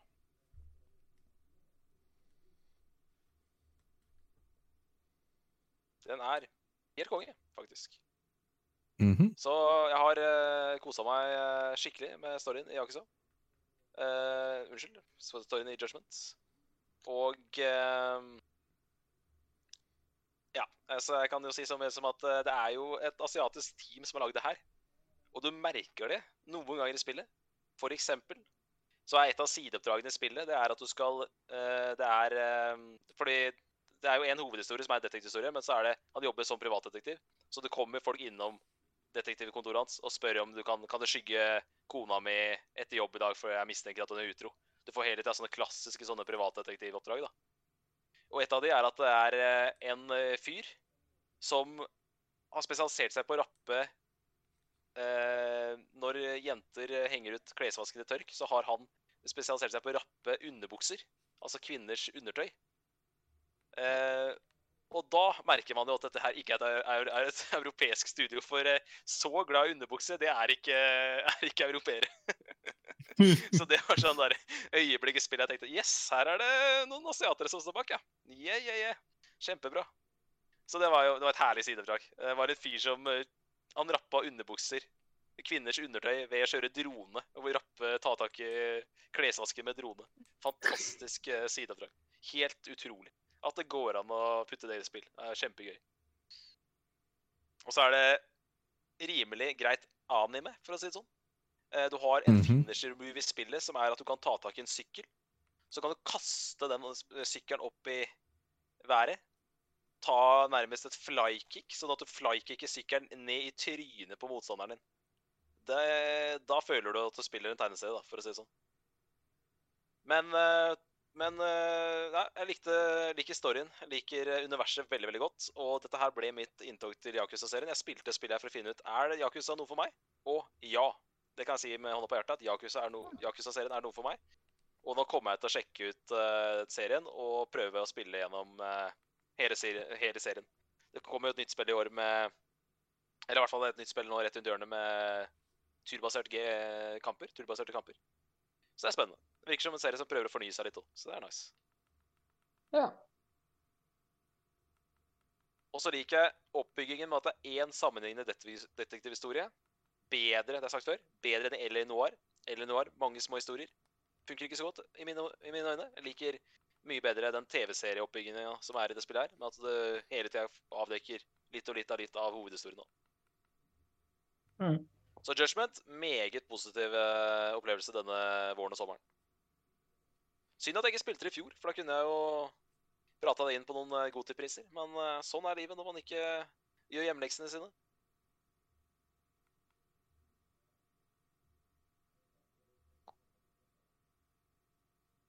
Så skal vi til et team som heter FromSoft. Oh. Jeg Det har bare- det, har jo, det har jo bare vært et tidsspørsmål, men jeg måtte jo spille mitt første FromSoft-spill. Eh, kunne ble jo vel sitte var ikke det? Jeg kunne ikke sitte på FromSoft i ære lenger nå. Jeg måtte jo måtte gi det en sjanse. Og eh, det som vippa meg, var, vippa meg over, var egentlig at eh, Stian Blipp klarte å komme seg gjennom Bloodborne. For det er klart at når en småbarnsfar som i tillegg leder et av de største ukentlige talkshowene vi har i Norge, er programleder, en av to programledere på det, når han klarer å komme seg gjennom eh, et FromSoft-spill og kose seg med det, da skal fanken meg jeg klarer det! Så nei, det er riktig, Øystein. Det blei ble Sekro. Det ble det. Ja. Og eh, det er noe med, det er noe med også å komme inn i de spillene der og se den verden, hvordan den er skapt. Og se hvor bra det level-designet faktisk er. Og se det med sine egne øyne. Oppleve det med sine egne Altså få sine egne gamerhender på de spillene der. Det er fantastisk. Og ja, jeg har dødd mye i Sekiro. Men jeg har aldri blitt frustrert på det spillet. Jeg har ikke vært i nærheten av like frustrert på Sekiro som jeg ble av Last of Us 2. For det er min egen feil hver eneste gang. Ja. Og eh, jeg bare digger at når du går mot fiender, så er det, det er deg og dine skills med katanaen. Og hvis du ikke er god nok med katanaen, så dør du. Mm. Da må du bli bedre. Så Ja. her, Øystein, alle som har prata om det, det er litt som det, det å spille et FromSoft-spill for første gang, det er litt som en sånn ny verden som bare åpenbarer seg. Å ja, det er dette alle har prata om. Å ja, det er det her som er den verden, ja. Det er litt som å gå inn i en sånn dør til en sånn eventyrverden. At det, å ja, det er sånn det føles, ja. Det er så fantastisk. Så for å si det sånn Jeg kommer til å teste Bloodborne i 2021, da. Jeg skal ikke Oh. la det Jeg skal ikke 2021, la 2021 forbigå uten at jeg tester Bloodborne, i hvert fall. Det er helt sikkert. Gleder deg til det. men det- er Ja. fantastisk. Ja, ikke sant? Jeg syns Jeg syns Sekiro har litt sånn Jeg merker at det begynner å komme litt vegger nå. At liksom, Hver gang du kommer til en boss, så er det nye, nye vegger nå. Jeg merker, kjenner litt på denne Sekiro nå. Men, eh, men jeg har kosa meg som fanker, da. Og det er jo på en måte Sånn som du, du nevnte i stad, da- Demon, Demon Souls eh, remake. Og hadde Ja. jeg spurt meg for et år siden, så hadde jeg ikke vært hypa på det i det hele tatt. Men nå er jeg jo faktisk eh, Nå er jeg litt med på, med på hypetoget der, ikke sant. Jeg Åh, nei, de, det er et eller annet med Dark Souls og Bloodborne uh, og Sekiro Det er noe med det spillet. Ja, det er noe Det med er det spillet, Noe... jeg har, ikke, jeg har ikke skjønt det før. Men, men altså, alle, alle, alle sier at det er så vanskelig spill. Og ja, det er Ja. vanskelig. Men det er rettferdig vanskelig. Og vanskelighetsgrader nettopp i spill er to forskjellige ting av vanskelighetsgrader. Hvis det, er, hvis det Ja. er rettferdig, så har man mye større terskel for at spillet Ja. er vanskelig, enn at det er urettferdig vanskelig. Og jeg syns til tider at Last of Us 2 var urettferdig vanskelig. Nå nevner mye Nå nevner jeg veldig mye mitt valgfag på, på folkehøyskole, men i dag så hadde vi om eh, vanskelighetsgrader, og da snakket vi mye om Dark og hvordan det var. Uh, vi, dis vi diskuterte mye om hvordan vanskelighetsgrader blir brukt, og om det er nødvendig å ha vanskelighetsgrader og sånt, så Så det Hvordan kom du på Sekiro, Øystein? Nå er jeg spent. Hvor mange basser tok du? Jeg har ennå ikke fullført det. Eh, fordi uh, Jeg er veldig glad i disse spillene men det er et eller annet med Sekro jeg ikke har helt Jeg har ikke klart å komme meg helt inn i den combaten. Ja, jeg, jeg, skjønner, jeg skjønner hva du mener. Jeg skjønner hva du mener. Jeg føler Ja. meg heller ikke god i Sekiro. Derfor jeg liker mye Mitt, mitt favoritt er jo eh, er nok enten Dark Souls Souls 3 eller Bloodborne. Uh, fordi de Men for et eller annet, i hvert fall Bloodborne sin uh, combat liker jeg mye bedre enn Sekro. Og så er det det at hvis det er litt utfordrende, uh, så kan du liksom grinde litt og levele litt opp, og så er det egentlig ganske greit. Uh, mens uh, parry-systemet, eh, eh, som er en veldig viktig mekanikk i Sekro, men er også i dag så Jeg hadde liksom kommet helt inn i parry-systemet. For den jeg, jeg, jeg vet hva du mener. Jeg skjønner godt, veldig godt hva du mener. Hva Ja. du mener. For den må du lære å time. Eh, og det er veldig gøy når du Du må få den Du må få den Du må få den med musklene mine, rett og slett. Du må trene Ja. opp til å bli en del av det blir en, bli en del av deg, på en måte. Ja. Uh, jeg har en følelse på at de som brukte Power-systemet mer i Dark Souls og det, uh, at de, i hvert fall Bloodborne, de satte seg nok lettere inn i Sekro enn det jeg gjorde.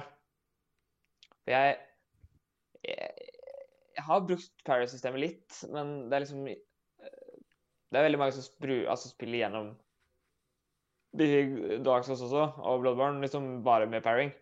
Men det For jeg, jeg har ikke helt lært den, dessverre. Men uh, Sekro uh, Jeg husker ikke hvor langt jeg kom, men eh, jeg har ikke gitt helt opp. Jeg skal bare finne meg et tidspunkt da jeg har tålmodighet og tid nok til å sette meg inn i parrying. Fordi Ja, fordi det, jeg er litt der nå. Jeg har kommet til et punkt der at jeg har lyst til å spille spill som ikke er sånn At jeg ikke må ikke, jeg må blø på en måte for å komme meg videre i spillet. Så Ja. jeg også er litt der nå at jeg har lyst til å slappe av med litt andre typer spillopplevelser. Men, men jeg, ja, jeg kommer nok til å hoppe tilbake til det en vakker dag. Det er eh, enormt. Mm. Men den følelsen, når du kommer til den første skikkelig vanskelige FromSoft-boss, og du prøver Ja. 20, 30 og 40 ganger, og bossen til slutt går ned Den følelsen der Altså, Den følelsen der har jeg ikke kjent i spill siden jeg var barn. ass.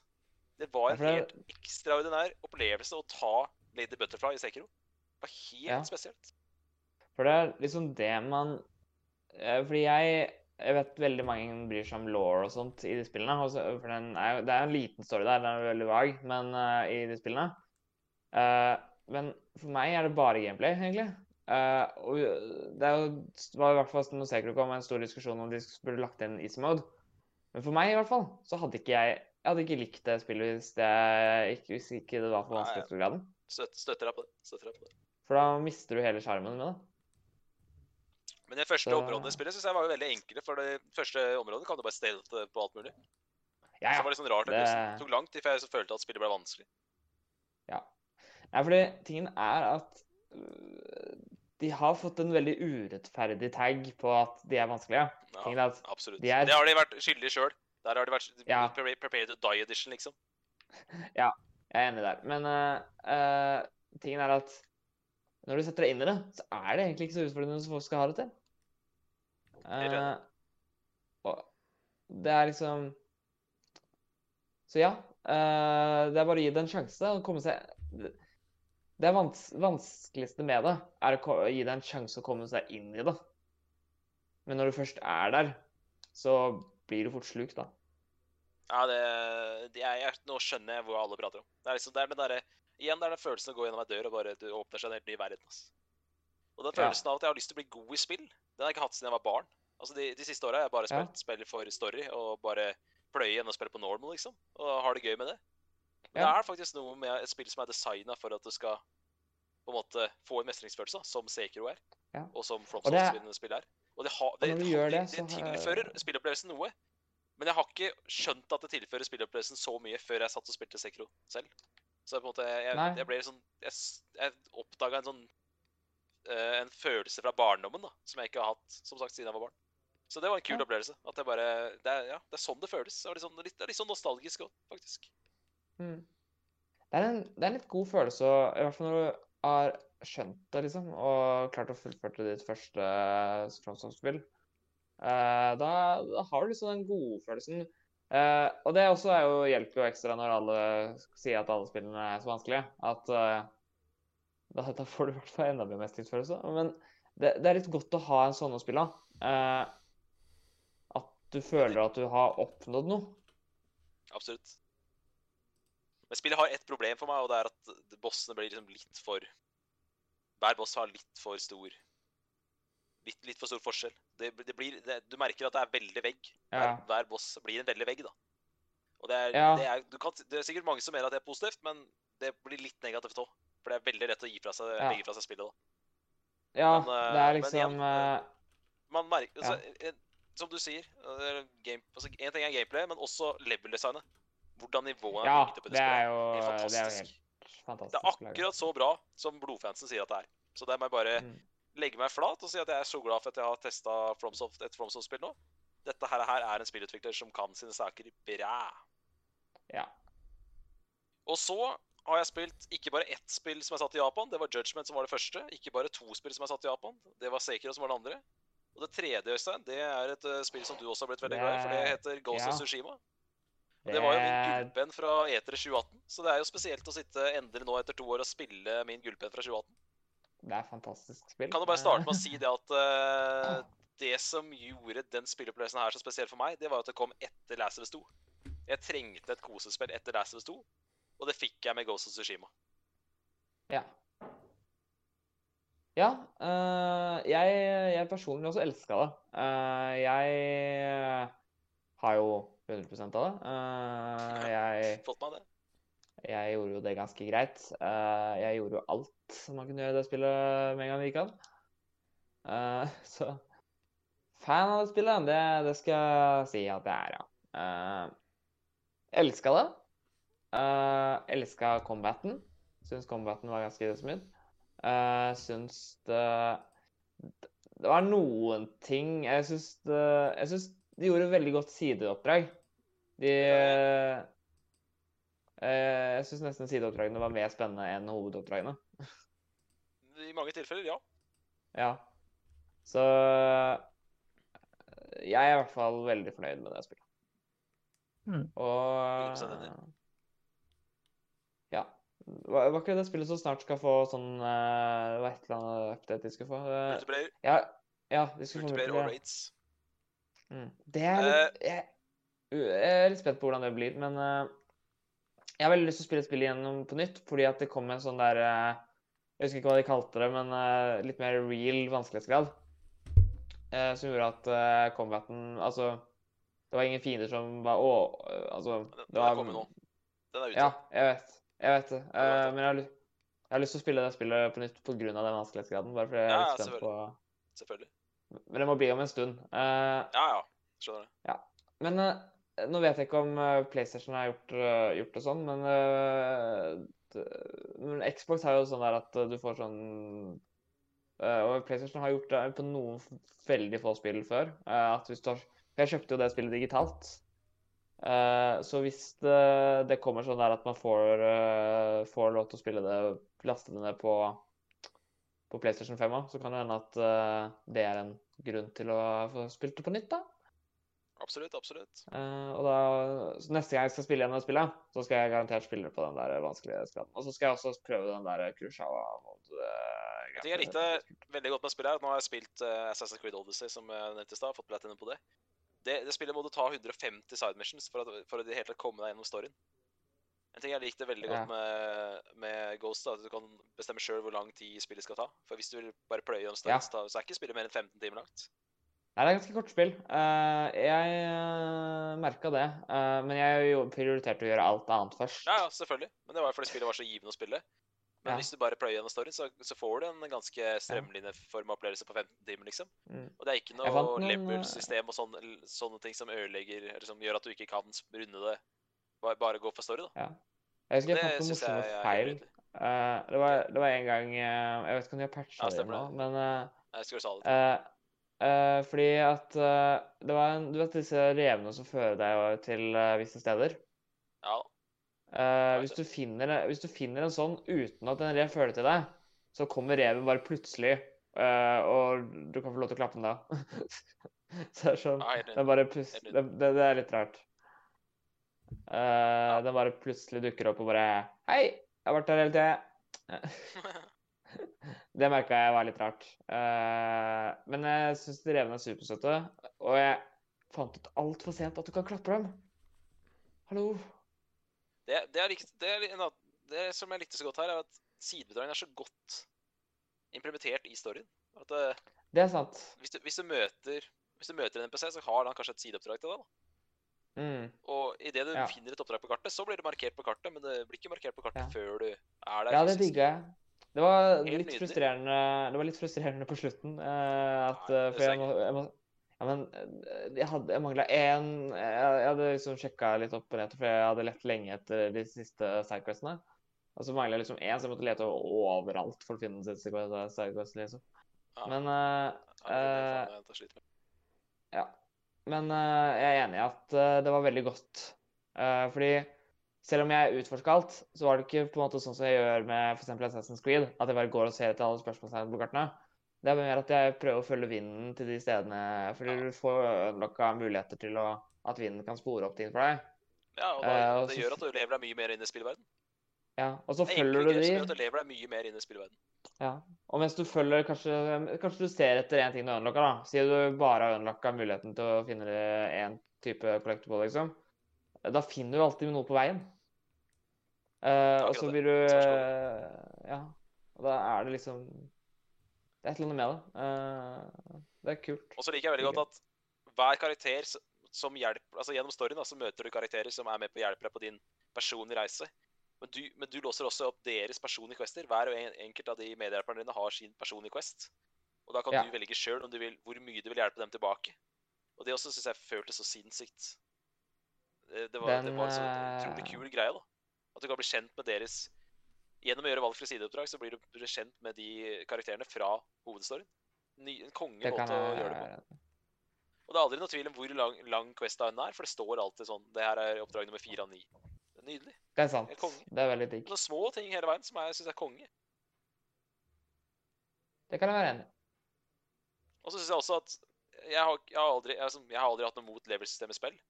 Men Red Dead, Red Dead 1 og Red Dead 2 er, er to av mine favorittspill. Ingen av de har level-system, og det spillet her har heller ikke level-system i spill. Nei. Nei, fordi det er på en måte eh, Det er jo egentlig Du trenger jo ikke level-system sånn i alle typer spill. Altså De har, de har en annen måte på en måte å gi deg powers på, holdt jeg på, altså gir deg oppgraderinger.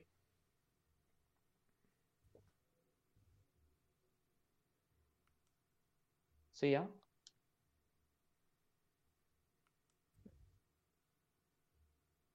Da ble det stille her.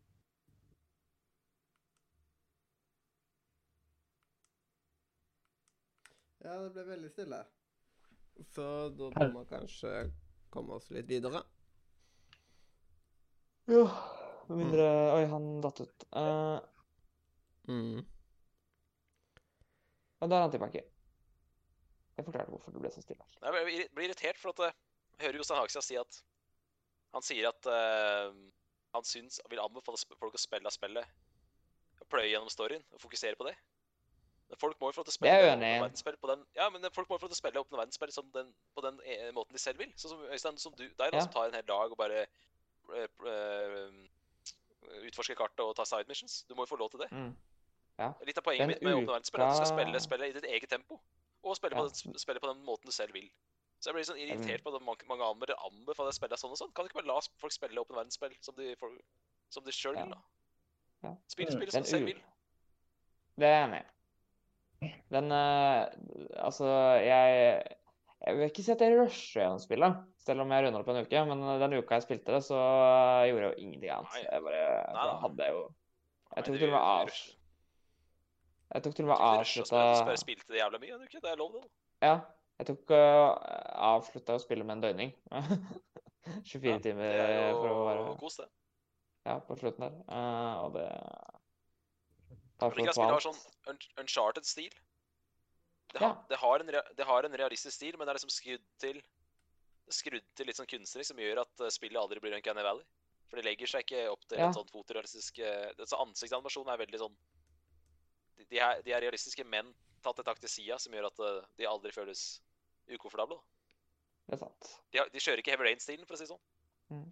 Mitt største problem med storyen egentlig var at den var veldig sånn der eh, forutsigbar. Jeg skjønte ganske fort uh, hvor den storyen skulle.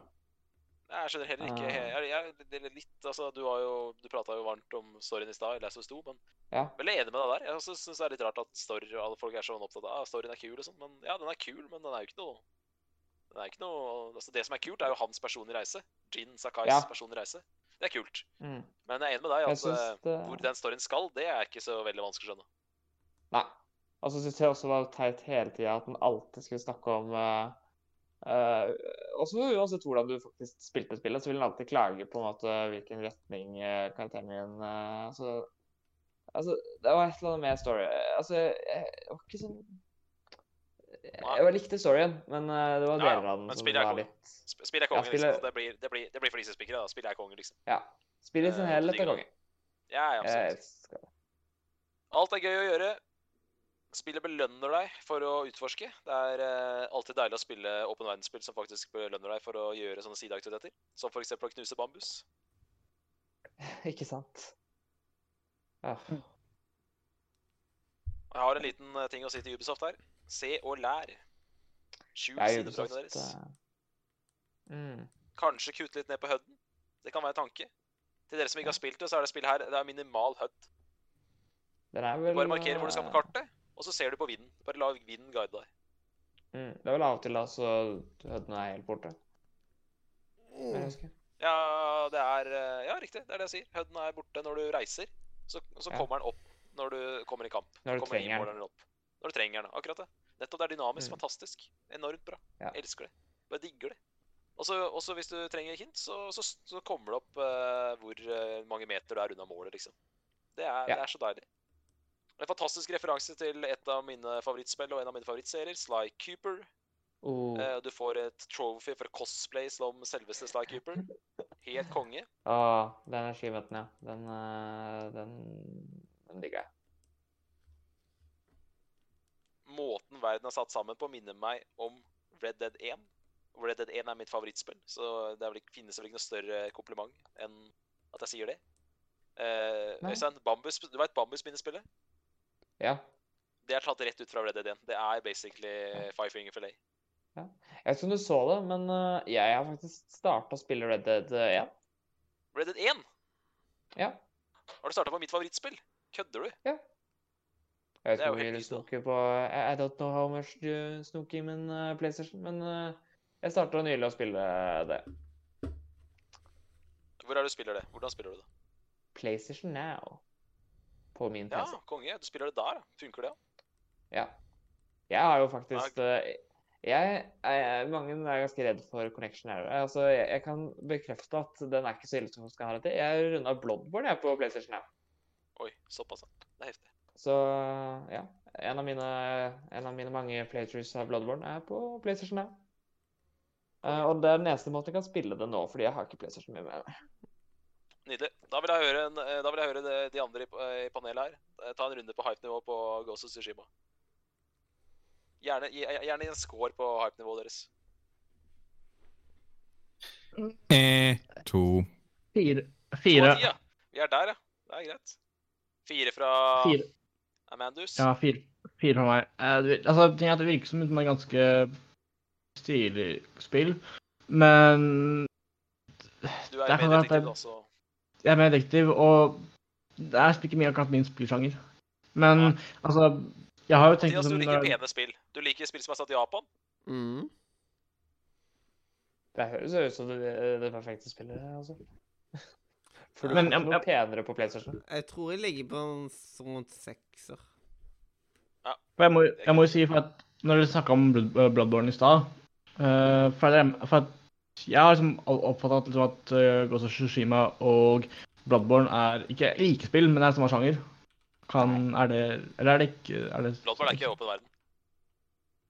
Ah, okay, og, ja. og det er ikke heller den der uh, Bloodburn er ikke et storydrevet spill. Bloodburn, Bloodburn er bygd rundt lår, som Øystein sa i stad. Ja. Okay. Og Sekiro prøver heller ikke å Nei, Sekiro sier jeg. Uh, Ghost of Tsushima prøver heller ikke å være en, uh, eh, sånn Dark Souls-kopi. Så Nei, er... og det er jævlig gøy. Det er jævlig gøy å høre, fordi jeg har gått tilbake og hørt uh, E3 2018-sendinga. Der er både Sekiro og Ghost of Tsushima ble annonsert. Og Da hører jeg Øystein si sånn ah, Litt sånn spent på Ghost of Tsushima, men jeg vet ikke om jeg gidder å spille det når jeg skal spille Sekiro. Det er, det er så herlig å høre deg si det. Når du sier det du sier nå når du sier, du sier, Nå sier du akkurat det motsatte, med fasit nå. ja, Begge spillene står veldig fint på, hver, eh, med, på hvert sitt bein, på en måte. Altså, Det det er plass til begge spillene. Ja, jeg, nei, men eh, jeg tror det er mest fordi jeg misforsto. Fordi jeg syns mye av det de viste, og før de på eh, var litt sånn Det virka som at de prøvde å være en eh, Jeg vet ikke om For jeg fikk en innstilling om at det var en slags Bloodborne-kopi. Jeg vet ikke hvor jeg fikk det fra, men eh, Jeg er helt, uenig. For jeg synes de, de viste hesteridning. De viste at de hadde minimalt med HUD. Og så valgte Ja. de, for å ikke spoile historien, så valgte de å vise et sideoppdrag istedenfor et uh, story mission. Jeg syns det er helt konge. jeg Ja. Og Lady Masako, best, bestemor med bue. Helt konge. Helt nydelig. Fantastisk. Det er mye Eh, kommer til å kjempe for henne på beste sidekarakter i, i år. Det kan jeg Til være slutt, har jeg enig følgende, til, til slutt så har jeg følgende setning for å beskrive Ghost of Tsushima. Horizon Zero Dawn møter Red Dead Redemption, møter Assassin's Creed, møter Sly. Ja, det, det, det er ganske godt oppsummert, egentlig. Neste spill.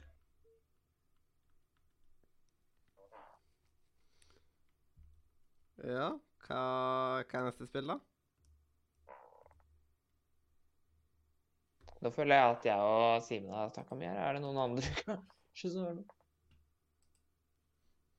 Det har ikke gått i så veldig masse andre spill for meg, liksom. Spilte egentlig mye av sommeren egentlig Hmm? på flysimulator, basically. Ehm, men uh, ja. Nei, Det liksom eh, Jeg begynte liksom eh, å spille bussimulator, liksom. Syns det var skamløye. Du prater om mitt favorittspill? Nei, det var ikke trailersimulator, men Nå da, bussimulator. men jeg er jo like glad i bussimulator som jeg er i trailersimulator. Mm. Oi! Jeg har ikke tenkt å prate masse om det. Det er ikke så mye Det er jo en Har dere hørt om uh, Eurotech Simulator 2? Det... eh, det er jo en ting som jeg har skaffet meg. Eh, jeg er veldig glad i simulatorspill. Eh, og jeg er også veldig glad i tog. Og hva passer bedre enn en togsimulator? Train Simulator. Fantastisk. Ja, eh, men jeg kjøpte Men jeg kjøpte Kingdom eh, Crush 2, eller hva det heter. Kingdom Men eh, jeg kjøpte faktisk Jeg kjøpte uh, Train Sim World 2, som er egentlig en ny versjon av Train Simulator. Uh, med oppgradert grafikk og Ja, basically ja, det, er veldig, det ser veldig realistisk ut. Um, det som er litt kult nå, er at nå kan du faktisk kjøre i London, i undergrunnen. Så nå trenger jeg ikke å glede meg til Watchdogs 2 lenger. Nå kan jeg faktisk kjøre undergrunns, undergrunnstog som så mye jeg vil. Nei da. Um, men ja, det, er- det er veldig kult. Det var det du gledet deg til? Uh, Ja, da, altså, Husker du ikke den E3-sendingen i fjor? Jeg bare sa basically hvis, hvis, Jo, jeg har Hvis- hørt den igjen, ja. hvis, man, hvis man kan sånn. kjøre undergrunn... Hvis man kan si Altså, jeg husker ikke helt hva jeg sa, men hvis man kan kjøre undergrunnstog i Oslo 2 Det her sa du. Hvis de viser undergrunnen, så kommer jeg til å kaste to penner. Det blei bare én Ja. penn, for de viste ikke undergrunnen. Ja. Så det Så nå, tre, nå, nå, nå trenger jeg ikke Watchdog 2 lenger. Nå, trenger, jeg noe jeg bare Det er for Ja, så vidt- det er ikke Watchdogs 2. Det er Watchdogs Legion. Det, Å, fuck, Eller tre, av som jeg liker å si. Åh, Watchdogs Jeg- 2 jeg er allerede ute. Yes. Watchdog Legion. Sorry. Beklager. I Eh, neste tilfelle det blir du sent. Watchdogs 3. Det begynner å bli sent, OK? Beklager. Ja, det er lov, det. Det er lov, det.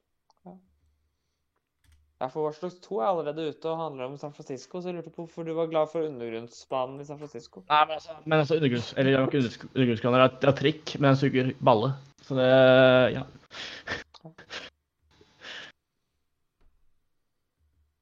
Noe mer? Jeg vet ikke. Ja, jeg kan, eh, jeg kan dra med tre. Hvis ingen har noe mer, så kan jeg dra med de tre siste vi har på lista her. Resten Jeg har spilt Rayman Legends. Et uh, eller, uh, Andreas Hedemann sitt favorittspill. I hvert fall der oppe. Uh, det er et kongeplattformspill. Uh, litt, eh, litt rart å spille her, for det er liksom Det er annet, det er bygd opp helt annerledes enn Mario. Mario er starter på den ene siden av kartet, eller ene siden, og så skal du gå over til høyre side. Og så er det et flagg eller et eller annet på slutten av banen. Mm. Og så er det neste bane. Men Rayman Legends er jo Det er jo et spill som eh, bygger mye mer på utforsking. Å finne hemmeligheter og sånne ting. Mm. Og hvis du ikke finner noen hemmeligheter, så kommer du ikke videre. Så, og, og der Mario har en veldig jevn stigning i bane altså Hver verden blir litt og litt vanskeligere. Så Rayman Legends kan velge sjøl om du vil eh, spille bare vanskelige baner, eller litt lette og vanskelige om hverandre. Det er, mye Mm. sånn, det er veldig sånn Ubisoft har det er, det er et fantastisk spill, men det, det, det føles veldig annerledes enn Mario, syns jeg. Jeg savner Så- 3D Rayman. Jeg veit hva jeg foretrekker av de to spillene, men det er et fantastisk spill, og det er jo mye mer fargerikt enn Mario. Uh, og uh, mye mer humor. Altså, det er jo noen brett som bare er legendarisk bra. Legends. Og så driver jeg og hører på Sidequesten til uh, nerdelandslaget. Og de går jo gjennom hvert eneste spillår. Mm. Og da er jo veldig mange sånne spillår der jeg tenker sånn Å, det spillet der spilte jeg, det var konge, liksom. Og det er også en del spillår der jeg tenkte Det spillet har jeg glemt. Det må jeg sjekke ut. Så da kommer jeg plutselig på at Fess, det har jeg ikke fått testa. Så du kan laste ned Fess ja. på PlayStation. For det er jo sånn spill jeg har fått gratis en eller annen gang via PS Plus. Så da lastet jeg ned det. Tar jo bare 100 megabyte, så det er jo liksom Fest. det tok jo 10 sekunder å laste ned. Det spillet husker jeg syntes så litt morsomt ut, men jeg har også aldri glemt det. bare, det kom bare opp hatter når jeg søkte på Fess.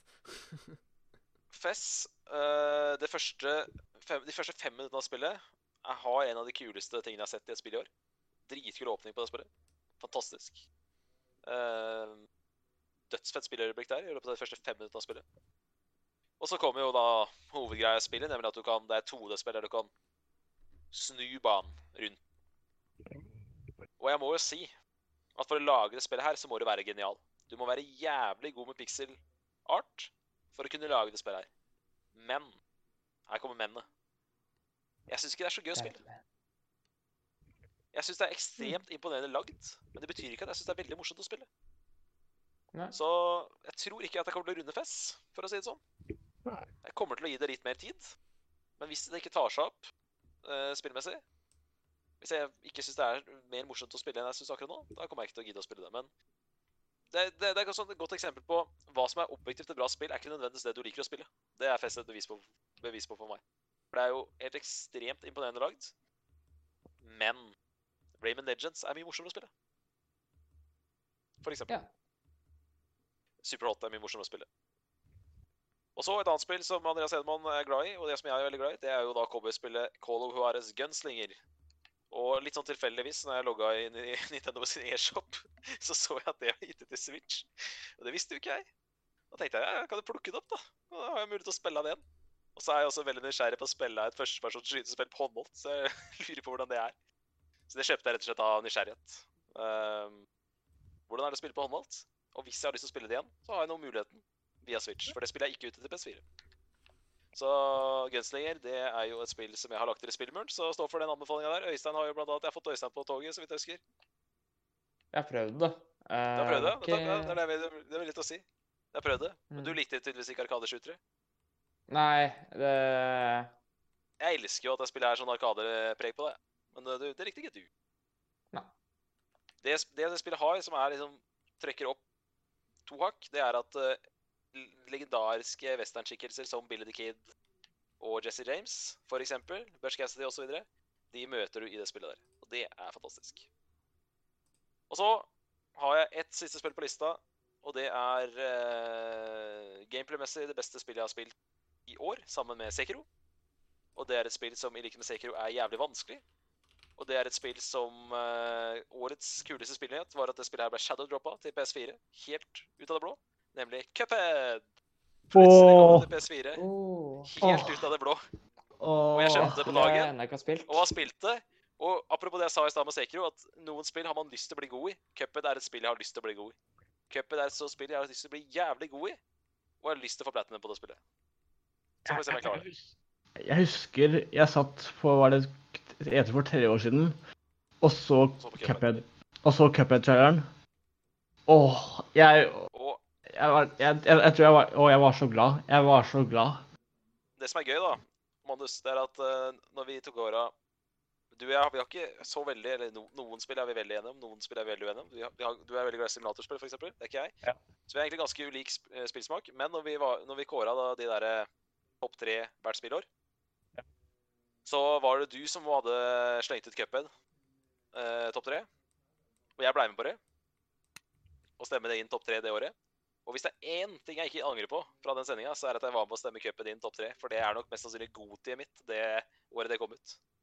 Altså, Cuphead er helt Altså, jeg, jeg, altså, jeg syns det er dritvanskelig. Eh, Ja, men det er konge at det er vanskelig. Det er et sånt spill som er bra fordi det er vanskelig. Altså, det er, Tingen er at jeg har ikke er en del er en del av det som, spillet, som gjør det spillet så bra.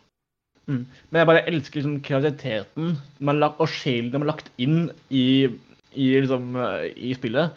Og jeg tror Jeg, jeg, tror, jeg synes egentlig er det 2018 det kom ut. Nei, jeg, jeg, Jeg vet ikke sjøl hvilket spill det kom ut. Nå, nå sa jeg at det var god til mitt, men det er, i hvert fall, det er topp tre det året. da. Jeg synes i hvert fall at det var årets beste soundtrack i det spillåret der. For at soundtracket i Cuphead Grafikk, Og- det er konge. Altså, nå, jeg har er veld, nå er jeg veldig glad i altså, storbandmusikk og generell musikk på den tiden som det skal være i. Altså 1930 altså, sånn 30-tallsjazz, eh, 50, 40 Ja, gammel, altså swing, altså storbandmusikk. Og det er bare sånn Det bare spillet bare appellerer til meg. Det, det, det, jeg synes det spillet egentlig bare lagd for meg. Det, og. Det, er, så- det er så kult. Men det er bra at du Det likte konge det. at det er lagd for deg. Helt konge at det Jeg er laget for deg. Jeg fått syns, jeg syns, jeg syns det er eh, Ja, som sagt, sammen med Sekiro det beste spillet jeg har spilt i år gameplay-messig. Og ja, jeg syns det er helt ekstremt Jeg syns bare det er ekstremt gøy å spille det. Men jeg har en advarsel Øystein, hvis du skal spille det. Ikke prøv å ikke bare, ikke, hvis, du, hvis du har en sånn halvtime før du skal legge deg, ikke begynn på det. Ikke begynn å spille sånn en Ja. halvtime. Fordi kroppen, Du må være så jævla på når du spiller det, at kroppen begynner å pumpe adrenalin. Det er veldig vanskelig å komme seg ned etter å ha spilt det. Så jeg gjorde den feilen forrige uke at jeg hadde en økt litt seint på kvelden her, og da sleit jeg med å komme meg ned. Fordi det blir så jævlig sånn Der spiller er du der spiller jeg, jeg, jeg går ikke på do når jeg spiller det. Fordi at det er så lett å bare spille en runde til. Bare en runde til. Bare en runde til. Det er den derre Just one more turn. Ja, just one more turn, ja. Det er, det er, det er definisjonen på det, det uttrykket for min del. Så jeg sliter med å gå på do når jeg spiller det. Og jeg sliter med å sove etter jeg har spilt det. Eh, det er, eh, det er rett, rett og slett litt for avhengighetsskapende, det, det spillet der. Så noe av det nærmeste Noe av det nærmeste jeg kom et gameplay drug i eh, Ja, egentlig voksen alder. Det var, jeg synes det var helt helt ekstremt. Og adrenalin er fantastisk gøy å kjenne på, men ikke rett før du skal legge deg. Så bare pass litt på det, alle sammen. Et nydelig Ja. spill. Eh, en sterk kandidat til årets glemte, for min del i hvert fall. Ja. Det er jo koselig.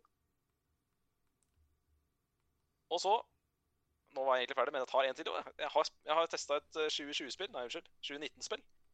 eh, som jeg har, tror jeg også faktisk har det på bucketlista mi. Jeg har spilt Untitled Goose Game. Og det er jo et, et eh, veldig sånn lite indiespill. Morsom idé. Du skal spille som en gås som skal gjøre diverse eh, oppdrag. Ja. Fucke opp mennesker. Du skal kødde med menneskene. Uh, det spillet der er sånn typisk morsom idé. Men her er greia. Veldig mange av de indiespillene har en morsom idé, så er det ikke gøy å spille. Det spillet her syns jeg var overraskende gøy å spille. Jeg tenkte at jeg bare skulle ta sånn Spille litt sånn Spille sånn ti minutter. Og så satt jeg der en time og spilte et par baner. Så overraskende morsomt å spille det spillet Ja. i forhold til hvor simplistisk og teit den ideen egentlig er. ja. Så vi får se om jeg kommer meg gjennom det i løpet av året. Det er jo ikke veldig langt, men uh, i hvert fall veldig positiv til at det der er noe mer enn bare en eh, teit og morsom idé. Det er faktisk et eh, bra spill også. Det er bra, da. Ja, absolutt.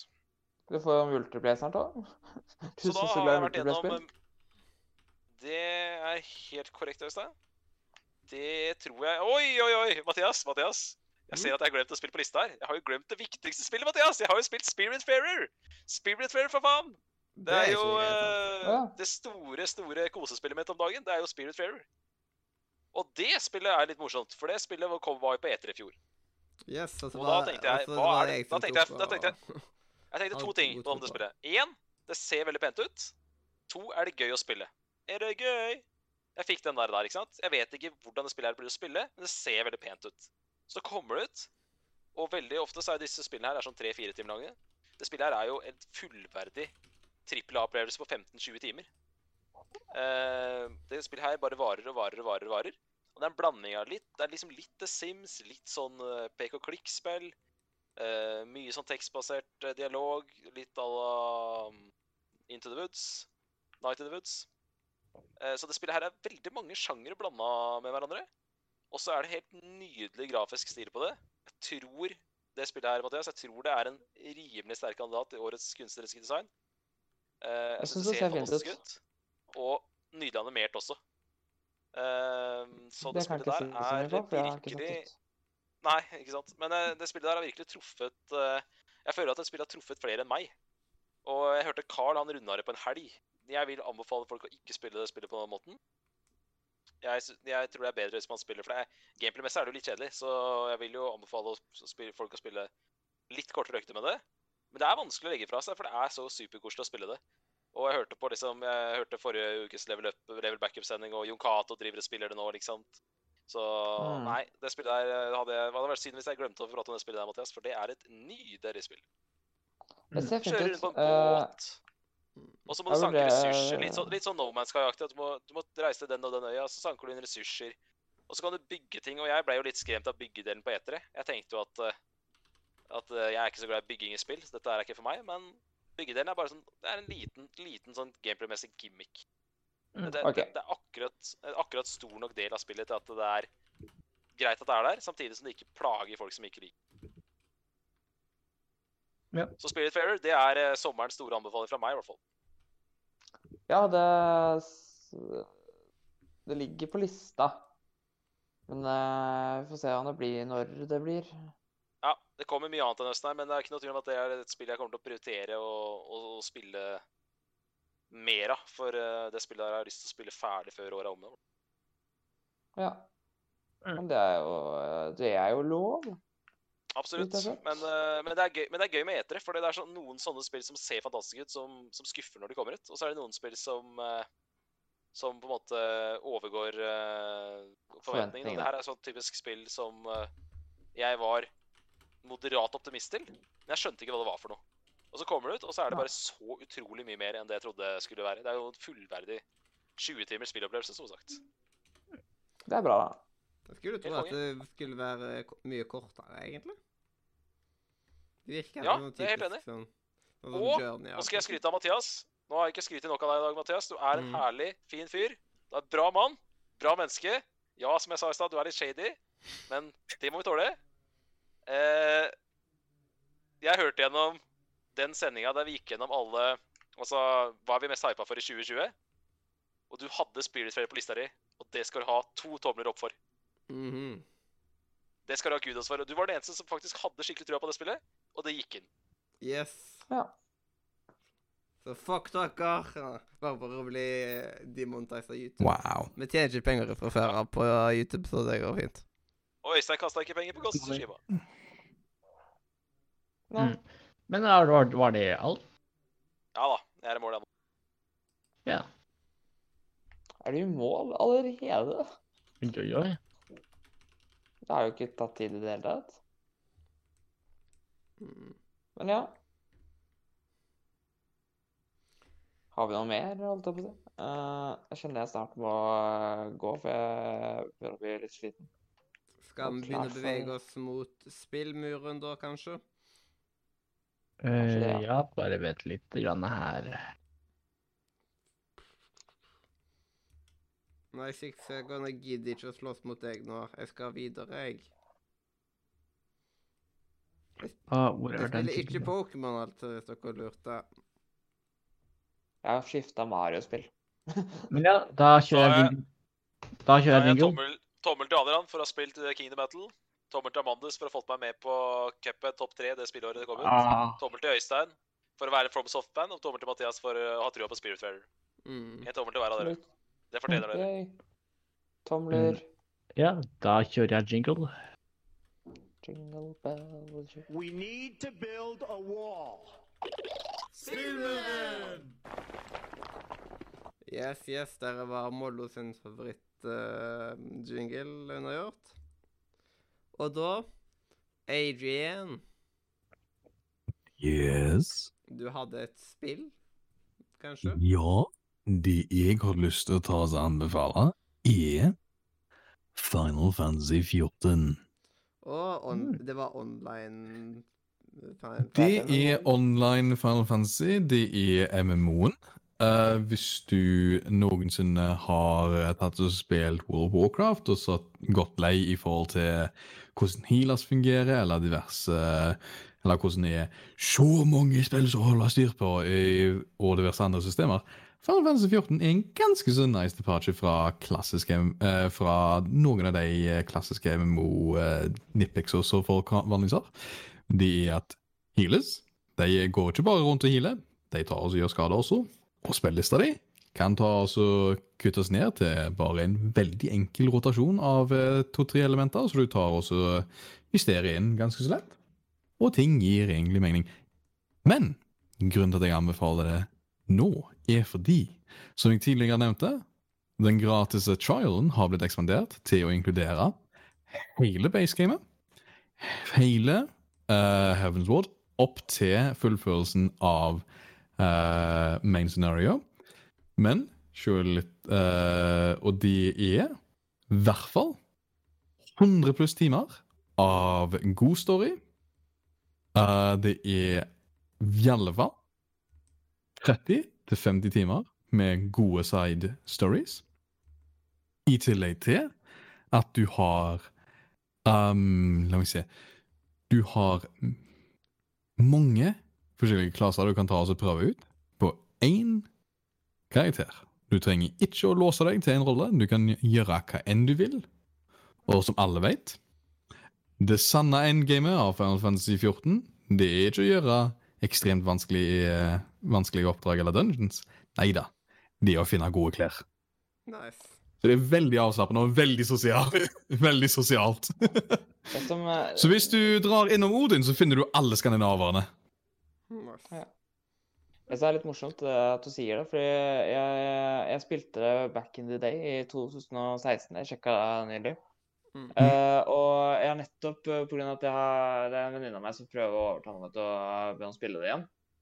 Uh, og jeg skal, uh, driver akkurat og skal til å se om jeg orker å abonnere på det igjen. Eh, hvor mye er egentlig det koster i måneden? da? Eh, jeg tror det koster litt mindre enn det en Wow-sub gjør disse her dagene. Spesielt hvis du er på eh, Hvis du kan ta og betale i britiske pund, for da er det faktisk greiere conversion rates i forhold til kroner enn i forhold til dollaren, fordi dollaren er faktisk priset høyere av en eller annen grunn. Så det er jo alltid gøy. Uh, og så, siden du har ikke spilt siden 2016, det har skjedd mange endringer. Det, noe av det største er at de har fjerna TP-systemet, som betyr at du har kun én ressurs å bry deg om, utenom de uh, som er, eh, i, basert på hvilken type jobb du spiller. Uh, så det eneste du må bry deg om, er mana. Mm, men Og hvis du spiller en viss klasse, så trenger du nesten ikke engang å bry deg om mana. Adrian, eh, Adrian jeg, fikk, eh, jeg fikk melding om at, eh, at du hadde en nice narrator-voice. Ah, tusen takk. Ja. Uh, jeg, er jo, jeg er veldig fan av MMO-er. Ja. I tillegg til at en annen stor endring de tok oss gjorde nylig, var at de tok oss og toucha opp på ekstremt mye av um, Av hvordan um, early game er. De har fjerna mange uh, ubrukelige fetch quests, ikke gjorde noe for storyen. Og de har fjerna mange steg som uh, fikk deg til å gå til punkt A, til punkt B, tilbake til punkt A, tilbake Ja, til punkt B, for så endelig bli ferdig med den questen. Det har redusert det, sånn at du trenger kun å ende opp på punkt A eller B én gang. Så det har gjort det mye mindre frustrerende å ta og spille, og det har gjort det mye mer eh, At eh, Ja, nybegynnervennlig, i tillegg til at main story-questene leder naturlig inn i side-questene. Bare sånn Du gjør deg ferdig med én chunk av eh, Du gjør deg ferdig med et par side-quests. Nei, men se der! Der endte du opp på samme plass. Main story-questen dine. Så gøy! Da kan du faktisk ta og gjøre det uten å måtte Så da kan du ta deg et avbrekk og fremdeles ende opp hvor du skal. Og så har de nylig gjort at uh, når du blir ferdig med første del av main story i base game, så får du lov til å fly i alle uh, basegame-sonene. Så det er ikke noe Så hvis du eh, bare bruker et par eh, Hvis du bruker noen eh, 50-60 timer på å eh, spille deg ferdig med Uh, første del har du kjempeenkelt å komme deg rundt i verden. Ja. Mm. Du har fjerna mye equipment grinding, så nå får du bare equipment etter sånn som du trenger det i forhold til storyen og levelene dine. Skjønner. Jepp. Nei, jeg får se om jeg Hun har prøvd å overtale meg til å spille igjen, så jeg får se. Jeg Mm. spiller jo en del med mor. eh, Og Final Fantasy 14 har jeg hatt mye glede av før. Men det er ikke så mange spill av den sjangeren i Spillmuren, så det var en eh, det var fint, fint tilvekst. Ja. Det Jeg eh, har også lyst til å komme med bare én liten siste point, og det er at her, er- her er det Hvis du er en Final Fantasy-fan, og din favorittvillen var sånn er mest normalt å være Kefka eller Sephiroth, gjett hva? Vi har nå fått en ny villen som er langt bedre enn de to. Jeg beklager, men det er sannheten. Og du har kanskje lyst til å prøve å komme deg til det punktet i Shadowbringers. Det er det. Nice, nice.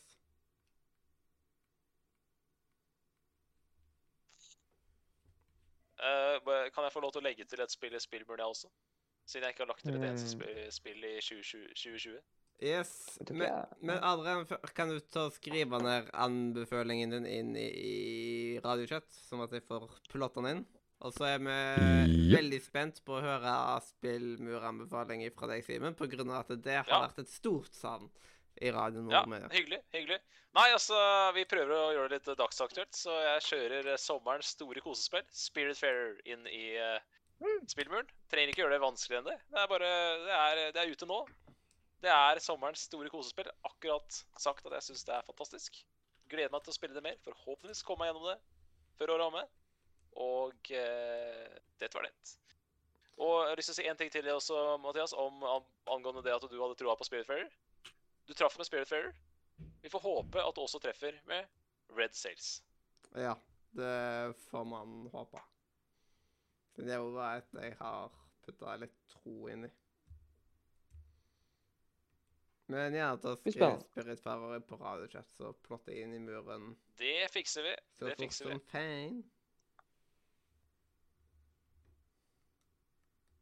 Da har jeg lagt til et spill jeg trengte nå etter å ha spilt Last of Us 2. Så var det godt med Ghost of Tsushima og Spirit Fair, for å si det sånn. Mm.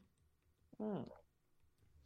En ting som overrasker meg, er at vi ennå ikke har fått til, eh, fått til en sending der både Adrian og Adrian er der samtidig.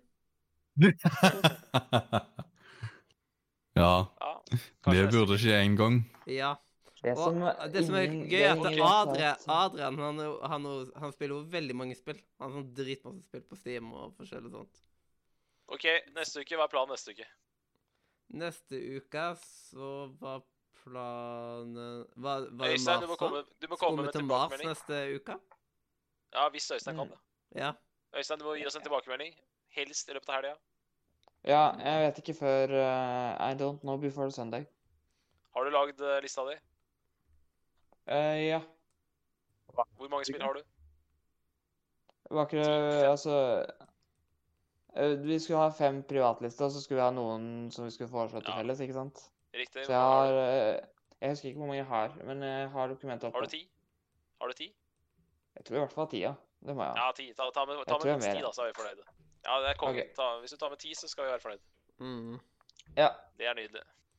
Men jeg, jeg har i hvert fall fem eh, Jeg er ganske sikker på min privatliste, og så har jeg noen spill jeg Så jeg vil foreslå at vi kan ha med sammen. Ikke sant? Ikke sant? Ja.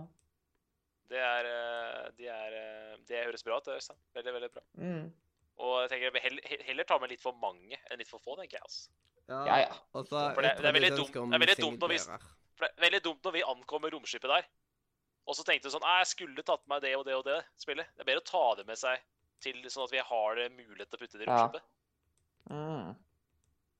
Ja.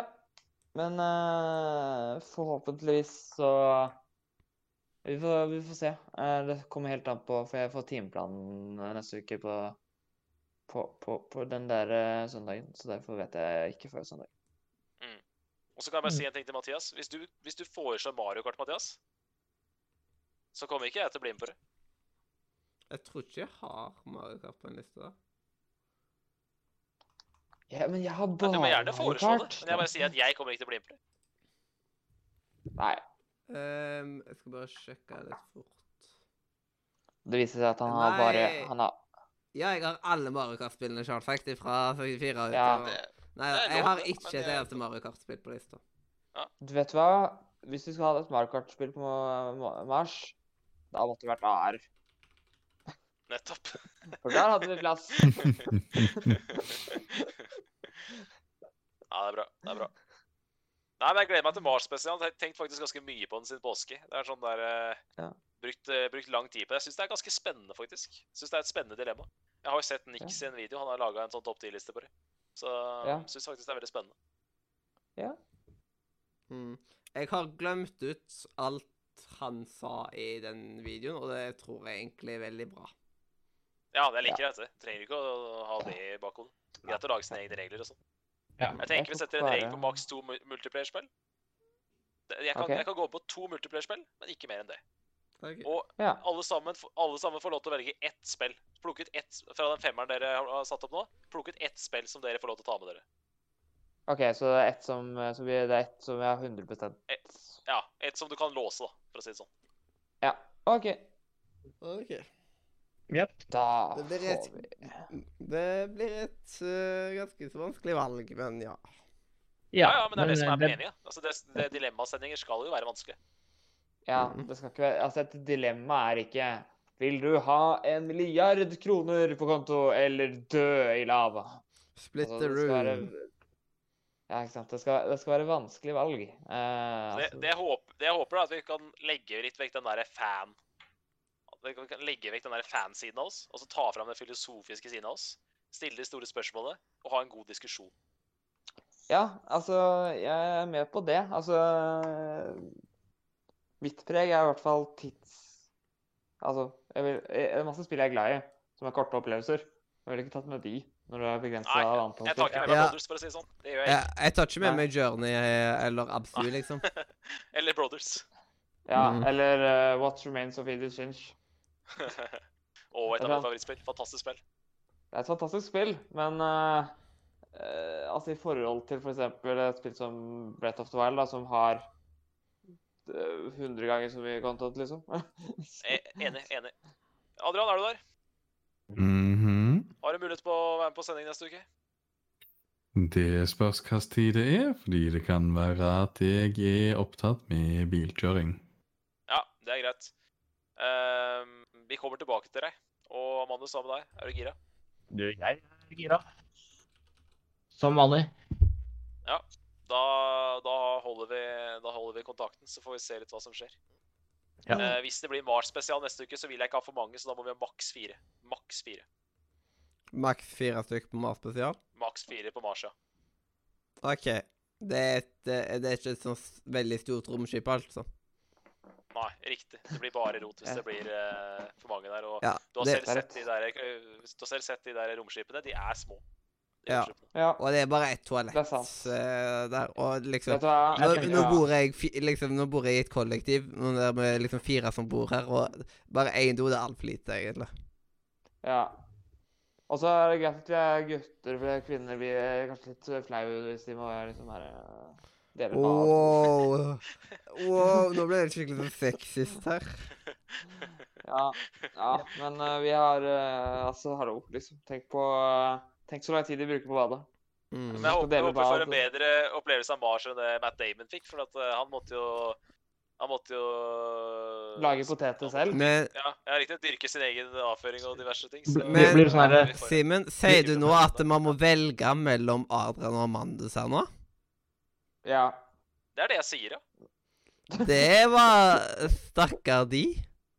Jeg Ja, tenker det er fight Ingen to death. har det, nå, nå, eh, nå, nå, eh, nå Vi bare satser på at en av dem ikke kan, Mathias. Så går dette veldig bra. det. Løser seg sjøl. Ja. Mathias, Mathias, Mathias han, vi bare legger sendinga til når han skal kjøre bil, ikke sant? Så er det Ja. problemet løst. Vet du hva? Vi kontakter kjøreselskapet. Han eh, og tvinger han til å ta en time. Mm. Vi, vi spleiser på Ja, den kjøretimen. Det som jeg gjør nå, er at jeg prøver å legge en plan B her. Hvis Øystein ikke kan, så kommer det ikke til å bli noe Mars-spesial, og da trenger vi en plan B, og da er det viktig å prøve å høre om folk er gira. Mhm. Hvilken, hvilken spiller på månen? For det er så stor forskjell. Ja, se på nett. er forskjellige typer steiner. Ja, altså, Hvis jeg skulle reist til månen, så måtte jeg hatt med To the Moon. Uh, men uh, til Mars så er det ikke Til Mars er ikke det vits. Å, det er på bucketlista mi, faktisk. Studio Moon. Faen, eh, det, er, det, det må folk Det bli med på, for det bare Det spille vært episk. Ja. Bare liksom tatt med til månen, det- to the moon. Hvis det er ett spill jeg skulle spilt på månen, så er det To the Moon. Ja, det er ganske, jeg- ganske, den er ganske god, faktisk. Ja. Jeg skulle kanskje spilt Ta det på vei til månen. Det er fint. Ja. Det er jo noe eh, Det, er- det, er jo, det var en fyr som uh, spilte uh, Eller nei, han hadde vel plan Eller et eller annet fyr som hadde Jeg tror han hadde Jeg husker ikke hva han hadde gjort. Enten så hadde han betalt masse penger for en eh, tur til verdensrommet, eller så hadde han eh, vunnet den, eller noe annet. Eh, Og det han gjorde på den turen, var å spille sånn Clash of Clans eh, på, i verdensrommet, bare for å ha gjort det. Og sånn. Av alle Eh, spill. Har dere følt Du at altså dere har på YouTube. har dere følt at dere har fått tømt ut Ja, ja, Ja, fantastisk. Jeg har jo, har jo, jeg har jo 15, hadde 15 spill. Jeg gikk fra null i fjor, null titler i fjor, på sommeren i fjor. Jeg hadde kanskje én, hadde altså Odyssey. Uh, Ja. Til 15 i år, så jeg er veldig veldig fornøyd. Og jeg håper Mathias også blir lenge til Mathias eh, klager over at jeg ikke har spilt noe igjen på sending. Det håper Ja. jeg virkelig. Jepp. Og så har er begge, Har begge dere fått skrevet? Nei. Det kommer vel en liten ifra siden. Jeg skal skrive på mobil, og jeg sitter her med klamme hender. og Jeg må vaske disse hendene før jeg tar opp den mobilen og skriver der. OK. Ja. Jeg på å hva er det du har holdt på med siden du har så klamme Da hender, har, men du, ikke sant? da har du fått en veldig ærlig versjon av hvorfor ikke jeg skriver på mobilen min akkurat nå. mm. Nei, men var det Jeg driver og eh, Jeg ser at Det var dagens eh, sending, jeg- gitt. Ja. Jeg innser nå at, jeg ser, at dere har skrevet opp uh, deres uh, femlister på, på det internettet. Så jeg driver, det ser jeg på nå. Ja. Hva da? Hva sier du nå? Eh, sommerens eh, topp eh, fem som ligger på Nise-C nå. Ja, ja, ja. ja, ja, ja. Det er er ikke så Ja. rart, det. at Vi, har, vi har, får jo streng beskjed av Mathias om å legge det inn der. Så Ja. det, da, kan du, da kan du ta min høyt, da, bare for å reminde meg på hva jeg hadde på min topp fem. Du hadde, du hadde også Oi! Jeg, jeg følte meg slem Så hadde honorable mentions. Uh, mens jeg, at Nei, eh, jeg er skal ikke jo den ha honorable eneste. mentions. Alle, alle skal ha Ja. Jeg digger honorable mentions. Jeg skjønner ikke hvorfor du tror at det er farlig. Ja, det er liksom, jeg trodde at du hadde lært deg nå at vi digger Honorable Mentions i eh, RNM. Ja, men uh, du har Ja, nei, jeg prøvde å holde meg litt fra dem. Men uh, du har eh, som honorable mentions har du Deathloop, AC Valhalla, Call of the Sea, Red Sails and Ratchet and Clank. Uh, mange av de spillene der hadde jeg sikkert hatt på eh, honorable mentions hvis jeg hadde valgt ha mer enn tre. Uh, Bugsnacks som nummer fem. Sherlock Holmes faktisk som nummer fire. Ja, ja, stemmer, stemmer. Uh, Jeg og Amandus, vi er gira. Ja, Ki, uh, Ki, Kina. eh, det Kina, jeg hadde på. Ja. Ja, jeg trodde det var på andre. Uh, greit, det var på tredje. ja. Eh, Little Devil Inside. Ja, selvfølgelig. Selvfølgelig. Og Horizon. Horizon gleder jeg også meg selvfølgelig til. Ja, Eh, det, det var ingen vei utenom å ha Horizon på toppkit. Horizon, ja. uh, Hei Horizon One Dawn.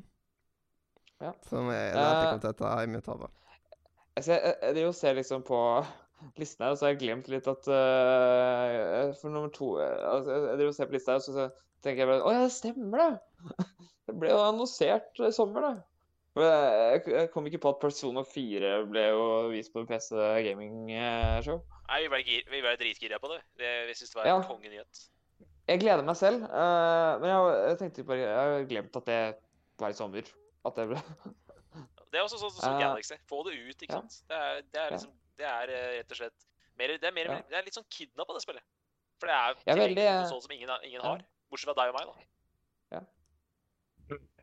Det er sant, Det var- ja, for vi har jo den PlayStation eh, Vita. Men var- ikke Persona 4 som også kom, var originalt til PlayStation 2-spill? Ja, ja, ja, selvfølgelig. Men Golden, Ja. den, denne Ja, versjonen men her, ja. er kun tilgjengelig på Vita. Ja, og nå PC. Nå PC. Ja.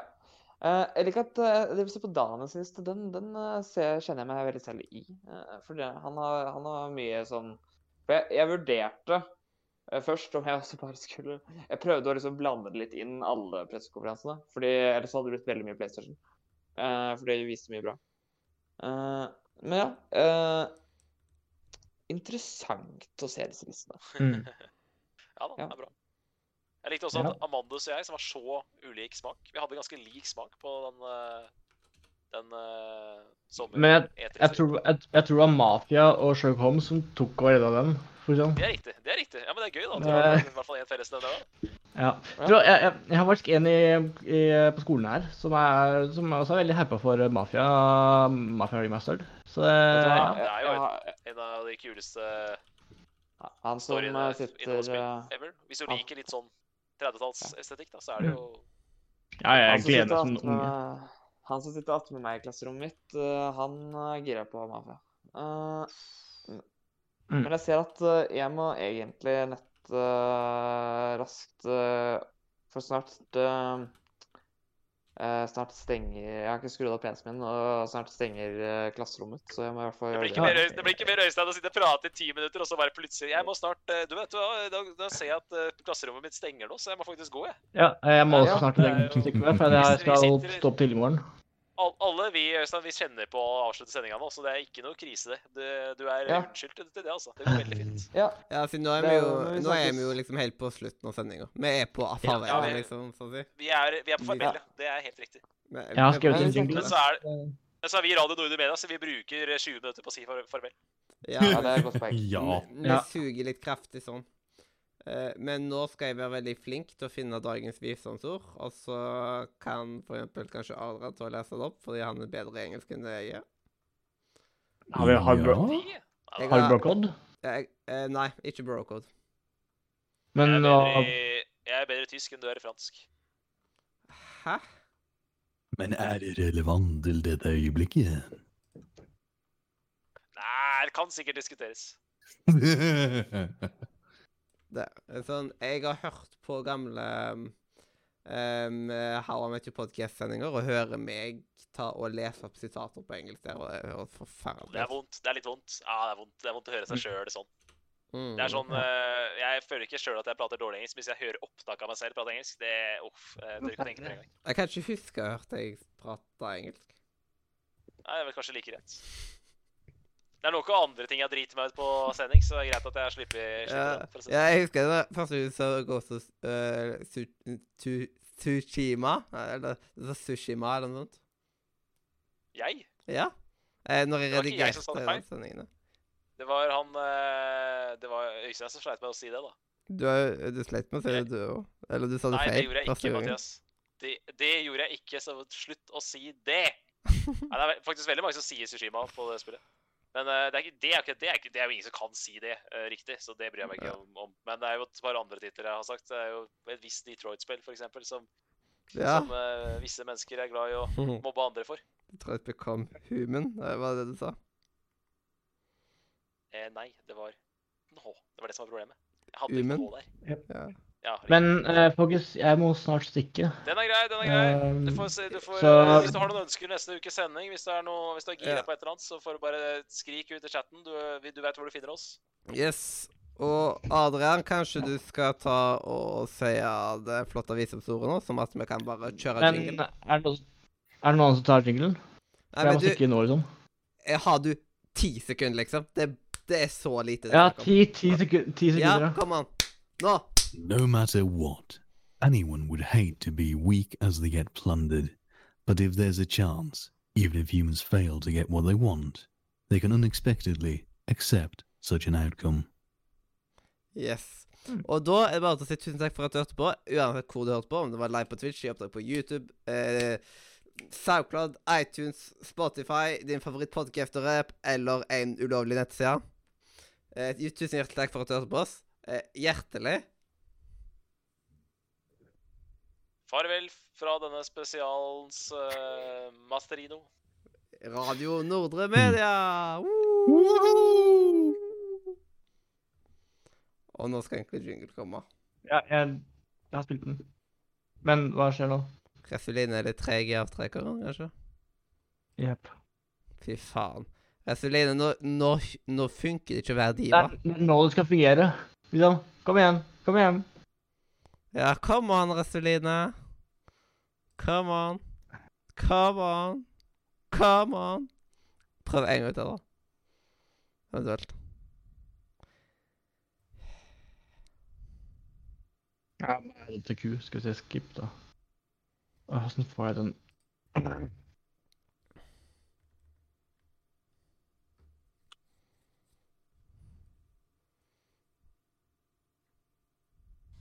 nå fylles våre veier. Vi fant aldri samme skatt. Vi bølger, vi bølger, bølger, bølger,